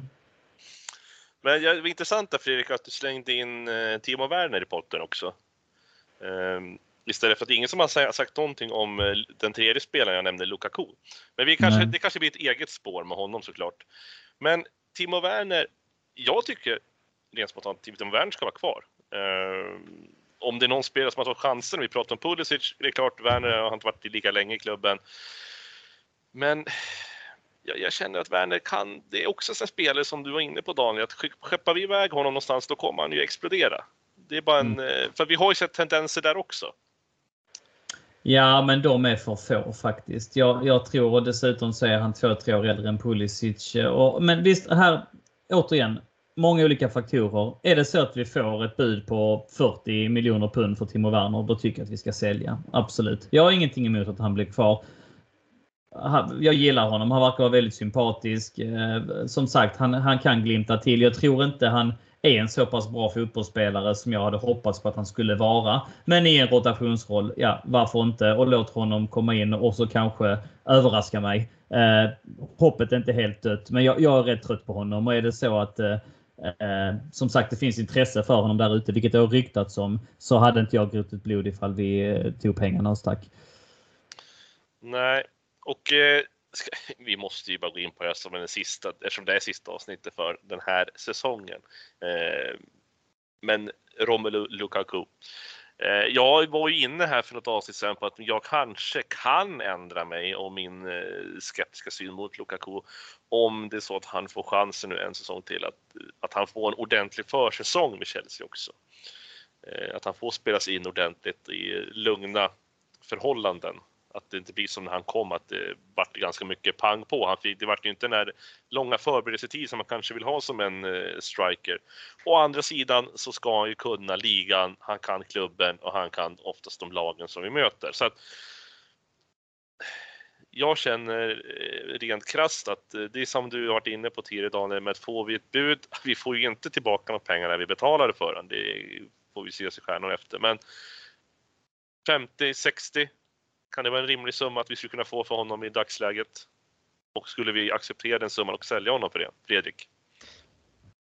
Jag tror inte att vi får 50-60 och personligen så är i alla fall jag helt på det klara med att han ska stanna till nästa säsong. Eh, det är inte ekonomiskt försvarsbart att sälja honom just nu och han är ändå en så pass bra spelare i grunden så att det finns all anledning att eh, ge honom en säsong till, eh, tycker jag.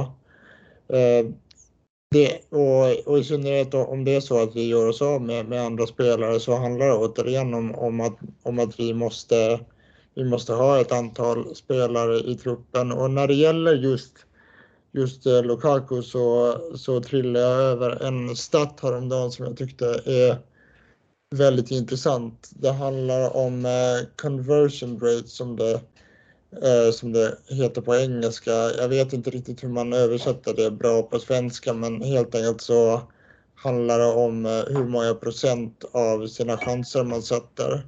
Och om vi, om vi då ska göra en jämförelse där så kan man säga att Havertz ligger på 40 procent medan Lukaku ligger, ligger på 73 procent. Så att det, det är ju en, en väsentlig skillnad där. Och om, om man bara ska väva in Havertz lite kort där i hans roll som falsk nia så är han ju bra där, men han är aldrig en spelare som kommer göra 20 mål per säsong. Det tror jag inte.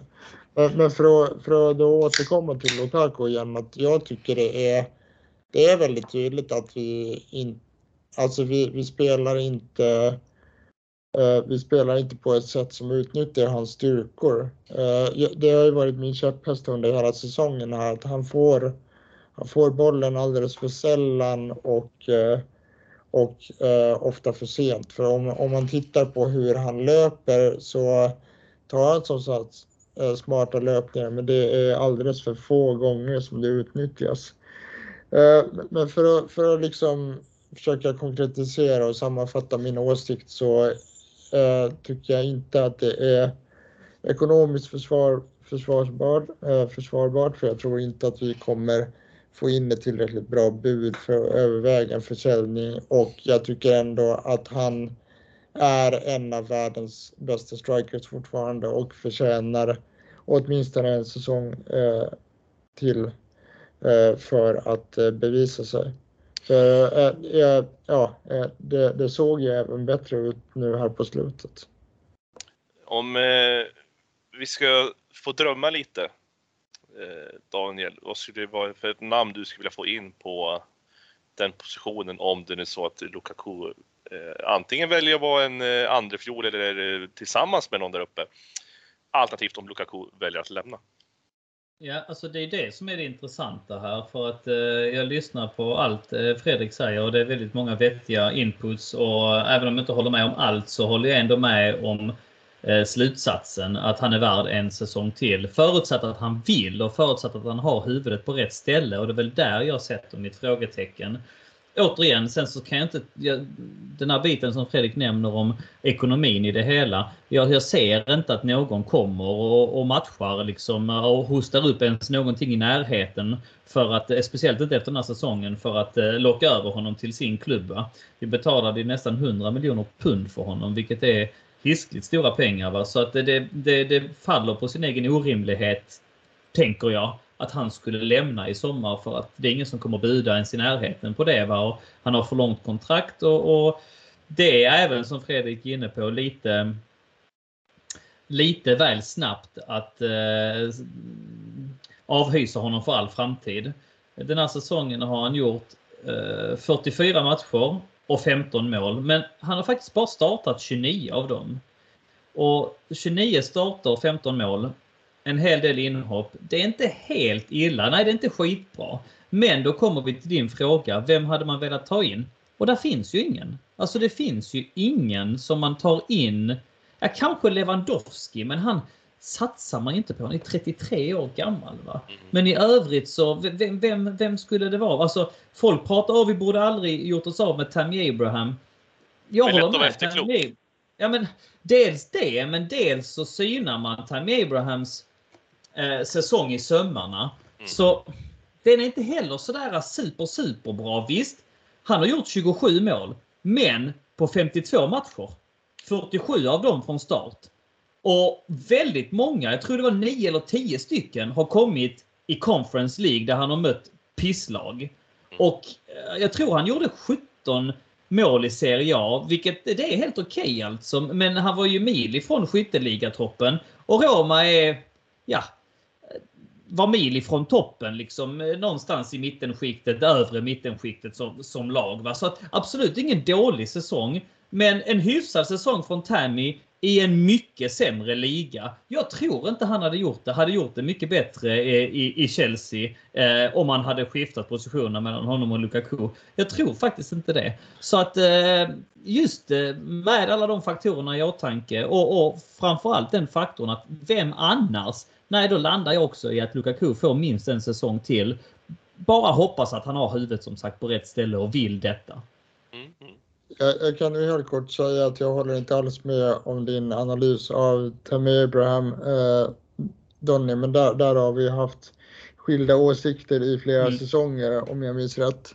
Mm. Eh, alltså, det, det är ju precis som du säger att det, det, det finns ju brist på, på alternativ där. Och mm. jag tror dessutom att eh, Lewandowski kommer hamna i Barcelona.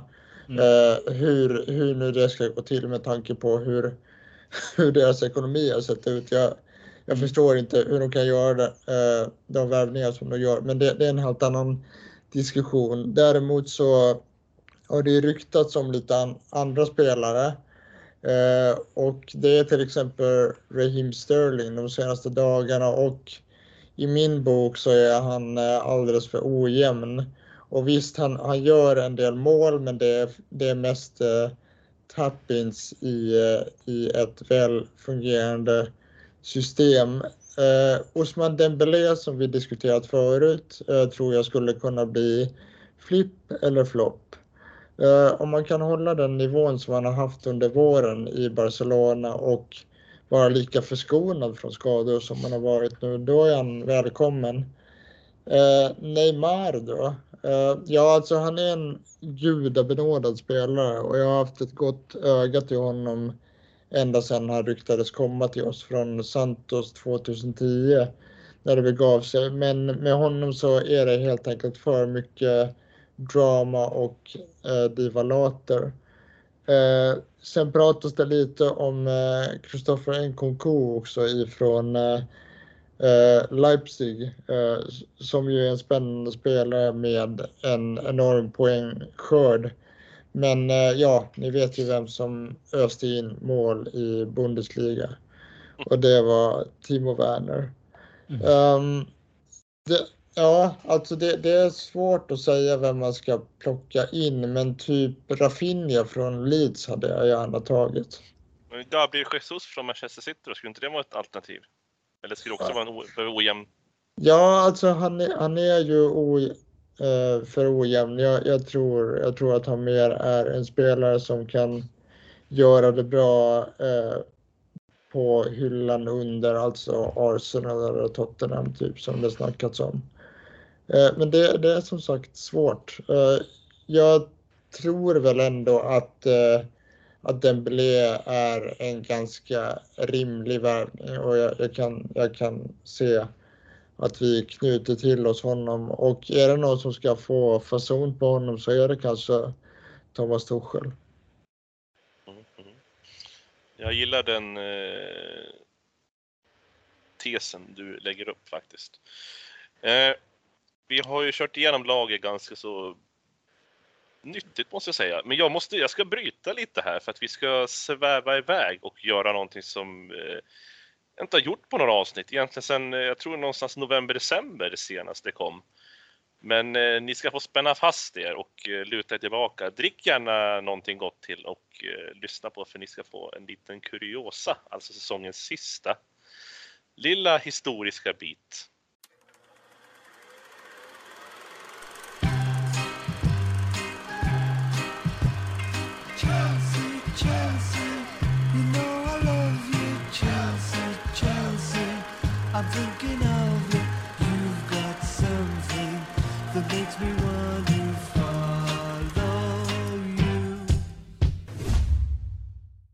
Jag förmodar att både Daniel och Fredrik, ni känner ju till eh, kanske lite grann bakgrundsstoryn till en av våra mest klassiska ramsor, Celery.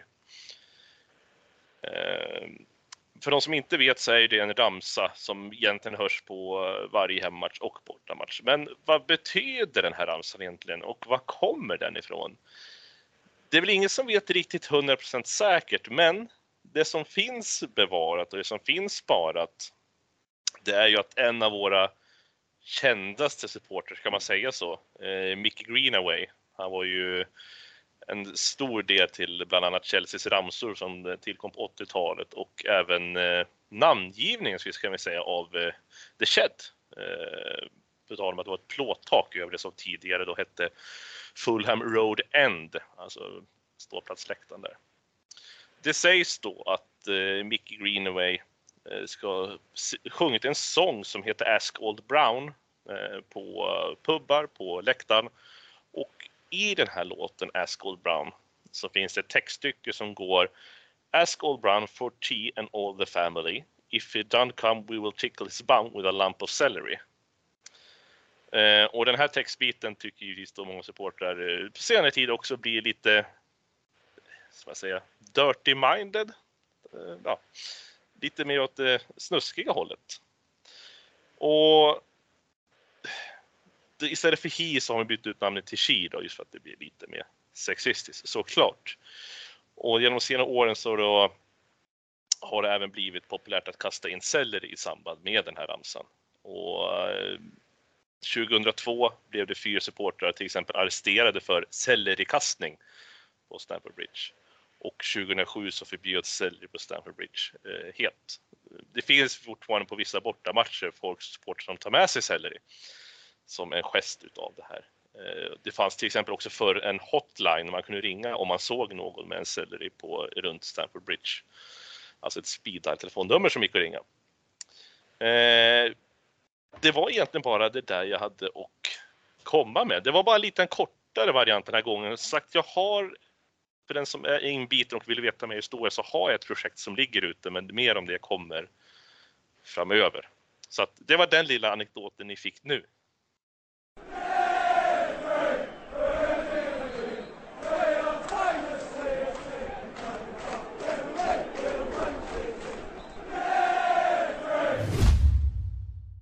Trevligt, det tackar vi för. Det har funnits lite olika tolkningar på den där. Ehm, men eh, vi tar med oss den, absolut.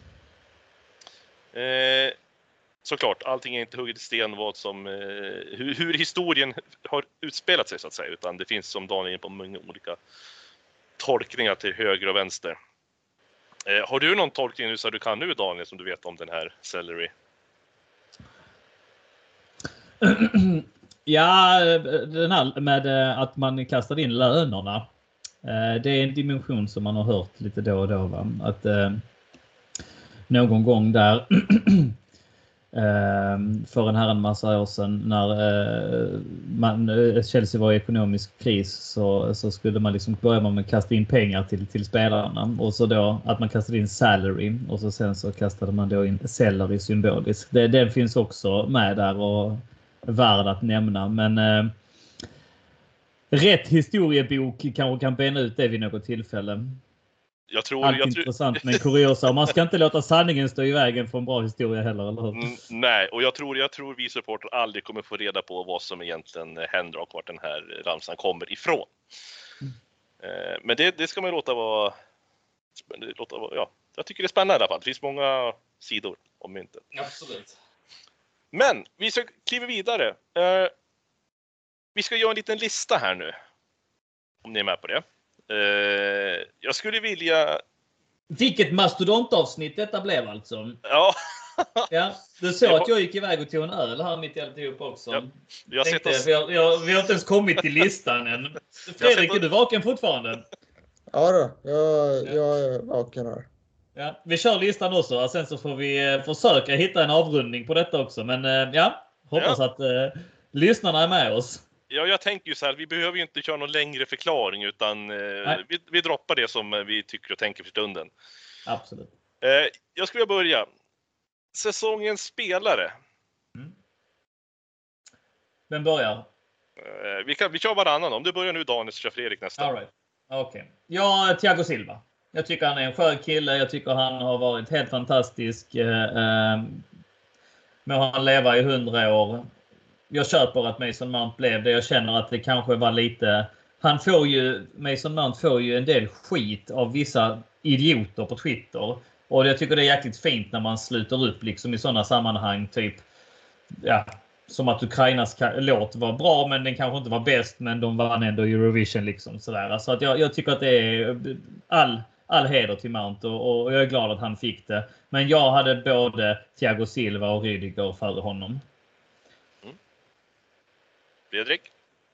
Ja, eh, jag tycker inte att Mount eh, har varit säsongens spelare som han blev utnämnd till, utan precis som Daniel sa hade jag Thiago Silva och Rydiger före. Eh, sen hedersomnämnande också till, till James och eh, Kovacic. Mm. Eh, faktiskt. Jag, jag har lite motiveringar där, men vi skulle ju lämna dem därhän så, så vi, vi håller det kort. Eh, jag ska avslöja att jag har också skrivit Thiago Silva. Eh, Mm. och jag behöver inte dra någon längre förklaring. Eh, men då Fredrik, säsongens match. Ja, det finns ju två sätt att se på det där. Den bästa tycker jag nog är eh, 4-0 matchen mot Juve. Eh, Och det är klart att man ska ju nämna den här 7-0 krossen mot Norwich och 0-6 mot eh, Southampton. Eh, Real-matchen kan man också kan man också lägga till där vi vann på Santiago Bernabéu. Eh, Den mest underhållande däremot tycker jag var ligacupfinalen mot Liverpool. Även om den slutade som den gjorde. Ja, Fredrik tog allihopa där så att... ehm, eh, jag, får nog, jag får nog ändå motvilligt eh, säga Real Madrid-kvarten. De känslorna, den glädjen. Eh, det är jäkligt surt att hamna på fel sida av den, av den matchen. Men, men den känslan och det är de stora matcherna man lever för. Att man fortfarande kan känna de känslorna. Att man fortfarande kan leva sig in så. Som tur är så har vi hamnat på rätt sida rätt många gånger. Den här gången blev det fel sida. Men, men den känslan, den stämningen, den, det spelet man visade upp där. Det får bli min, eh, min favoritmatch. Sen så får jag vilja flagga för eh, två matcher som jag såg live också. Jag hade ju den eh, fina förmånen att få åka över till England och kolla på Chelsea-Brentford. Borta, alltså på Brentfords hemmaarena. En, en, en ny arena som jag aldrig varit på tidigare. Och fick möta upp med lite engelska kompisar och sånt. Och det var Eh, helt fantastiskt för mig då som inte har kunnat, ja för mig och alla andra va. Men just nu var det jag som, som gjorde resan va. Så, så i och med att det har varit pandemi och att man har varit utan fotboll, live-fotboll så länge så var det en otrolig upplevelse som också förkroppsligas, för, förkroppsligades i eh, en reseskildring som finns fortfarande på vår svenska fansida. Och även då när eh, Chelsea kom till Malmö i höstas och vi fick göra en eh, CSS-träff eh, dagen till ära och fick möta väldigt många CSS-are. Eh, också en, ett nöje och en njutning som har berövats oss under denna pandemi och som vi hade sett fram emot att vi skulle eh, ha lite mer frekvent här. Men, men så, så kom ju sanktionerna och så blev vår medlemsresa inställd och så. Va? Men vi fick i alla fall den träffen där i Malmö så de två matcherna ligger också högt upp på listan. Mm. Jag hade faktiskt också skrivit eh, Real Madrid i kvarten där, men jag la till och med plusset på ett annat. Jag tog med Liverpool eh, 2 januari, precis efter det här med Lukaku hade inträffat, 2-2 matchen. Eh, den tyckte jag var helt fantastisk. Det började spela fram och tillbaka och det var ju Ja. fart från minut ett alltså. Så att den, den tycker jag ändå är, eh, ligger där uppe i toppen. Ja, Eh, får, jag börja på, får jag börja på nästa punkt? Säsongens mål. Tycker jag. Ja. Eh, jag tror inte det finns så mycket diskussioner, men Kovacic mot Liverpool. Den är ju eh, nominerad till årets mål rent officiellt. Mm. Men har ni någon annan? Nej, det är enda kandidaten för mig i alla fall. Eh, otrolig teknik från en spelare som i princip inte vet hur man gör mål. Ja, jag har faktiskt några stycken vill jag Mm. ändå flagga för. Mason Mount mot West Ham. Ja, är eh, i, runt jul där. eh, En, en helvolley. Skitsnygg. Eh, Rydiger mot Brentford, även om vi förlorade. Brentford hemma då alltså. Vi, eh, hans, det, det fick lite dåligt skimmer det målet för att Brentford stack upp och gjorde så många mål på oss som de gjorde den matchen. Men, men det är ett fantastiskt långskott också. Eh, och så sen så vill jag ändå flagga för Mason Mount mot Leeds senast nu för någon vecka sedan bara. För det är ett fantastiskt mål eh, Eh, för att det går, bollen går som på ett snöre. Den har cirkulerat lite grann på Twitter det målet för att det, det, det framgår inte av highlightsen vilket fantastiskt lagmål det är. Va? Ända från målvakt och hur det eh, snurras upp liksom Rydiger och Alonso. Till slut kommer bollen upp via Jorginho tror jag det är, upp till Reece James till Mason Mount. Nästan hela laget är involverat i det målet. Eh, och till slut så sätter eh, Mount ändå eh, snyggt i krysset. Så att eh, några fina mål har vi allt eh, fått se här och några finns det att välja mellan. Men det är klart Det- att en står ut. Och, och det, det, är det, det är ett mål som, som du inte nämnde nu Daniel, som jag kommer att tänka på samtidigt som, som du radade upp dem och det är ju faktiskt eh, Ziyechs mål mot Spurs. Ja, just det. Otroligt Ja, snyggt. just det. Just det, stämmer. Det har du rätt i. Mm. Nej, den tänkte jag inte på heller. Ja, ja, ja nej, det har varit några riktigt snygga faktiskt. Men eh, ja, jag, jag köper det du säger Daniel, men jag står fast vid, eh, vid eh, Kova mot Liverpool. Oh ja, oh ja. Och just att han backar liksom också. Ja, nej, det är Ja. helt. Mm. Ja, vi går raskt vidare till nästa punkt som är säsongens överraskning, Daniel. Trevor så? Chalobah. Ja, Kort, kortfattat. Ja, 100 procent enig där. Eh, Jag trodde att han som eh, så många andra gjort genom åren skulle fastna i lånekarusellen och tyna ut till ingenting. Men eh, Tuchel såg någonting där och det har ju blivit en bra succé får man säga. Så definitivt säsongens överraskning. Jag är lika enig som ni faktiskt. Ja. Det var skönt att vi kan vara överens på många punkter än så länge i alla fall. eh, säsongens bottennapp då? Och det här, här känner jag att vi kommer inte vara överens allihopa. Eh, men Fredrik, kör du vad du har valt som bottennapp. Jag har några stycken här och det är eh, de offensiva spelarnas oskärpa framför mål. eh, Den godtyckliga bedömningen av vilka matcher som skulle ställas in. eh, Sanktionerna och debaclet mot Brentford. Det var en gedigen lista. Vi behöver inte gå in eh, och gröta i varenda en där. Så att eh, vi tar det bara kortfattat och hoppar över till Mm. Daniel. Ja, att förlora mot Liverpool på straffar i två cupfinaler. Det är riktigt surt alltså. Så att eh, när man blickar tillbaks på den här säsongen så kommer jag ändå ha det med den bittra eftersmaken som jäckar mig. Sen så eh, har ju Fredrik några andra bottennapp eh, som också förkroppsligar denna säsong. Men ja, Jag, jag har, flikar in med den. jag, jag själv, jag har bara tre punkter på min den där. Det står bara Lukaku, Saul och. Jag har Ja, inte skrivit ja det, ligger, men- det ligger något i det också kan jag säga dig. ja. Det, ja men, eh, då kör jag sista här och säsongens höjdpunkt börjar jag på och där säger jag faktiskt att eh, kudos till damerna som plockade tredje raka ligatiteln.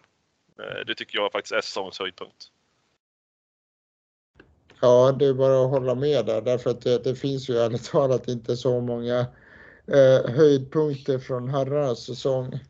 Eh, där plockade jag ändå ut, eh, kanske är titelvinsterna trots allt, även om det inte var de största titlarna så var det ju ändå sådana titlar som vi inte hade tagit förut. Eller 4-0 vinsten mot eh, Juve. För precis som jag var inne på tidigare där så tyckte jag, tyckte jag då att vi där och då spelade en blandade fotboll och var faktiskt världens bästa lag just då. Sen, sen eh, är det klart också att man kände eh, en enorm stolthet över laget efter, efter uttåget mot eh, Real Madrid med tanke på hur de spelade. Det, det är väl ungefär där jag landar utan att bli alltför långrandig.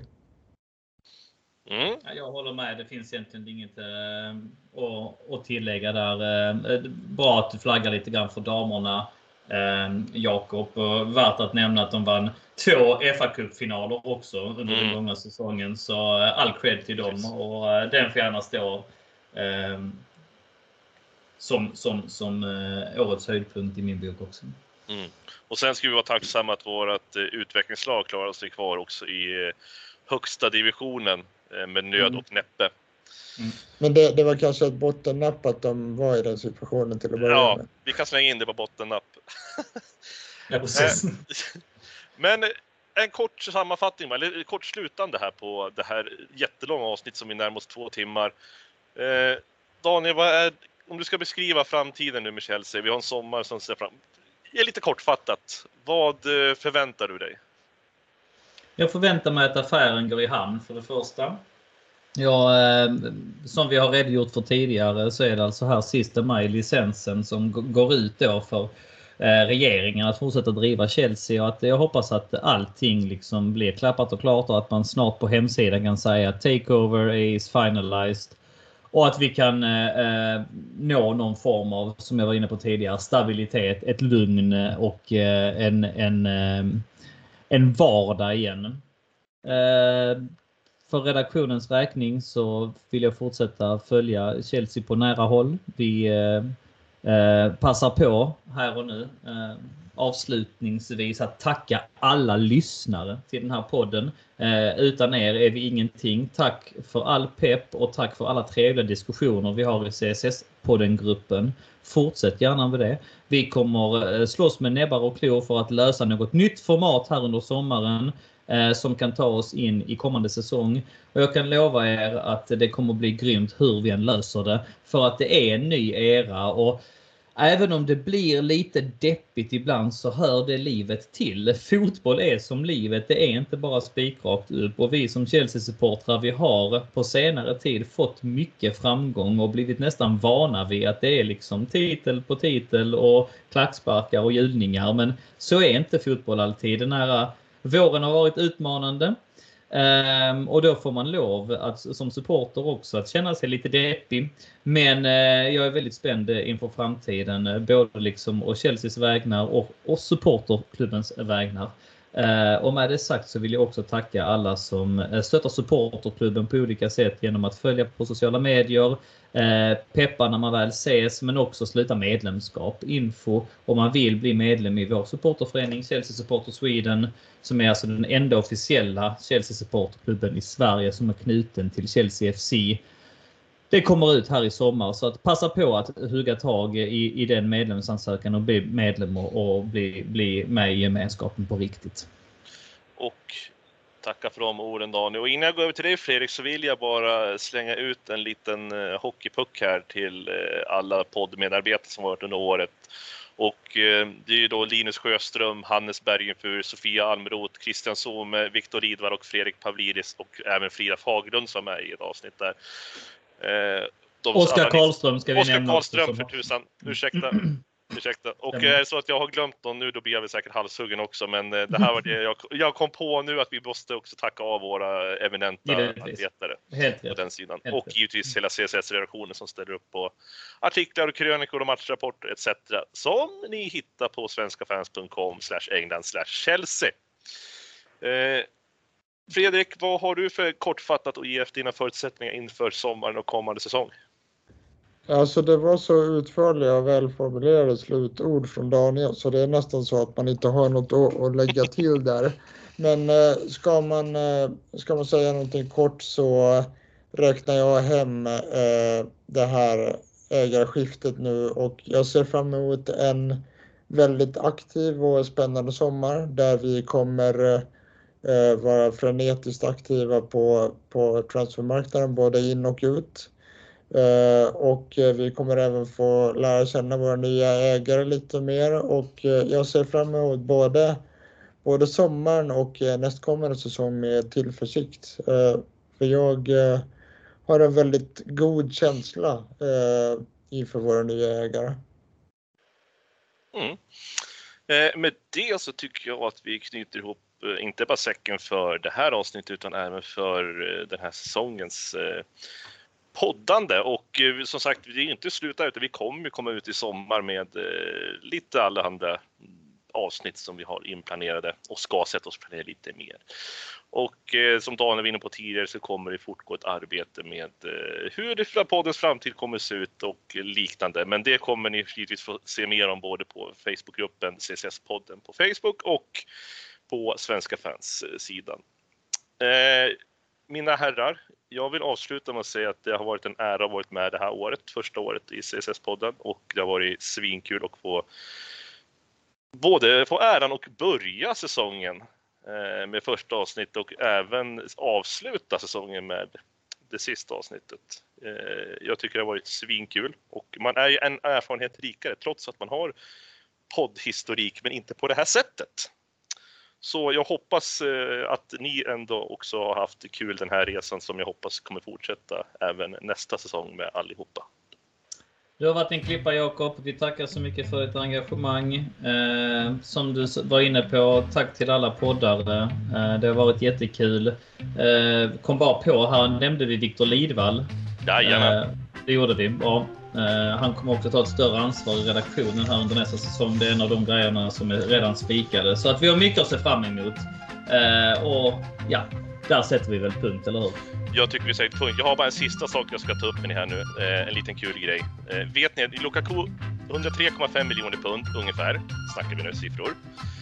Vet du hur många Bino-tidningar man kan köpa för den summan? Alltså Bino som är den största serietidningen i England. Berätta. Eh, ni, ni får alternativ här. Eh, 32 636 363 stycken.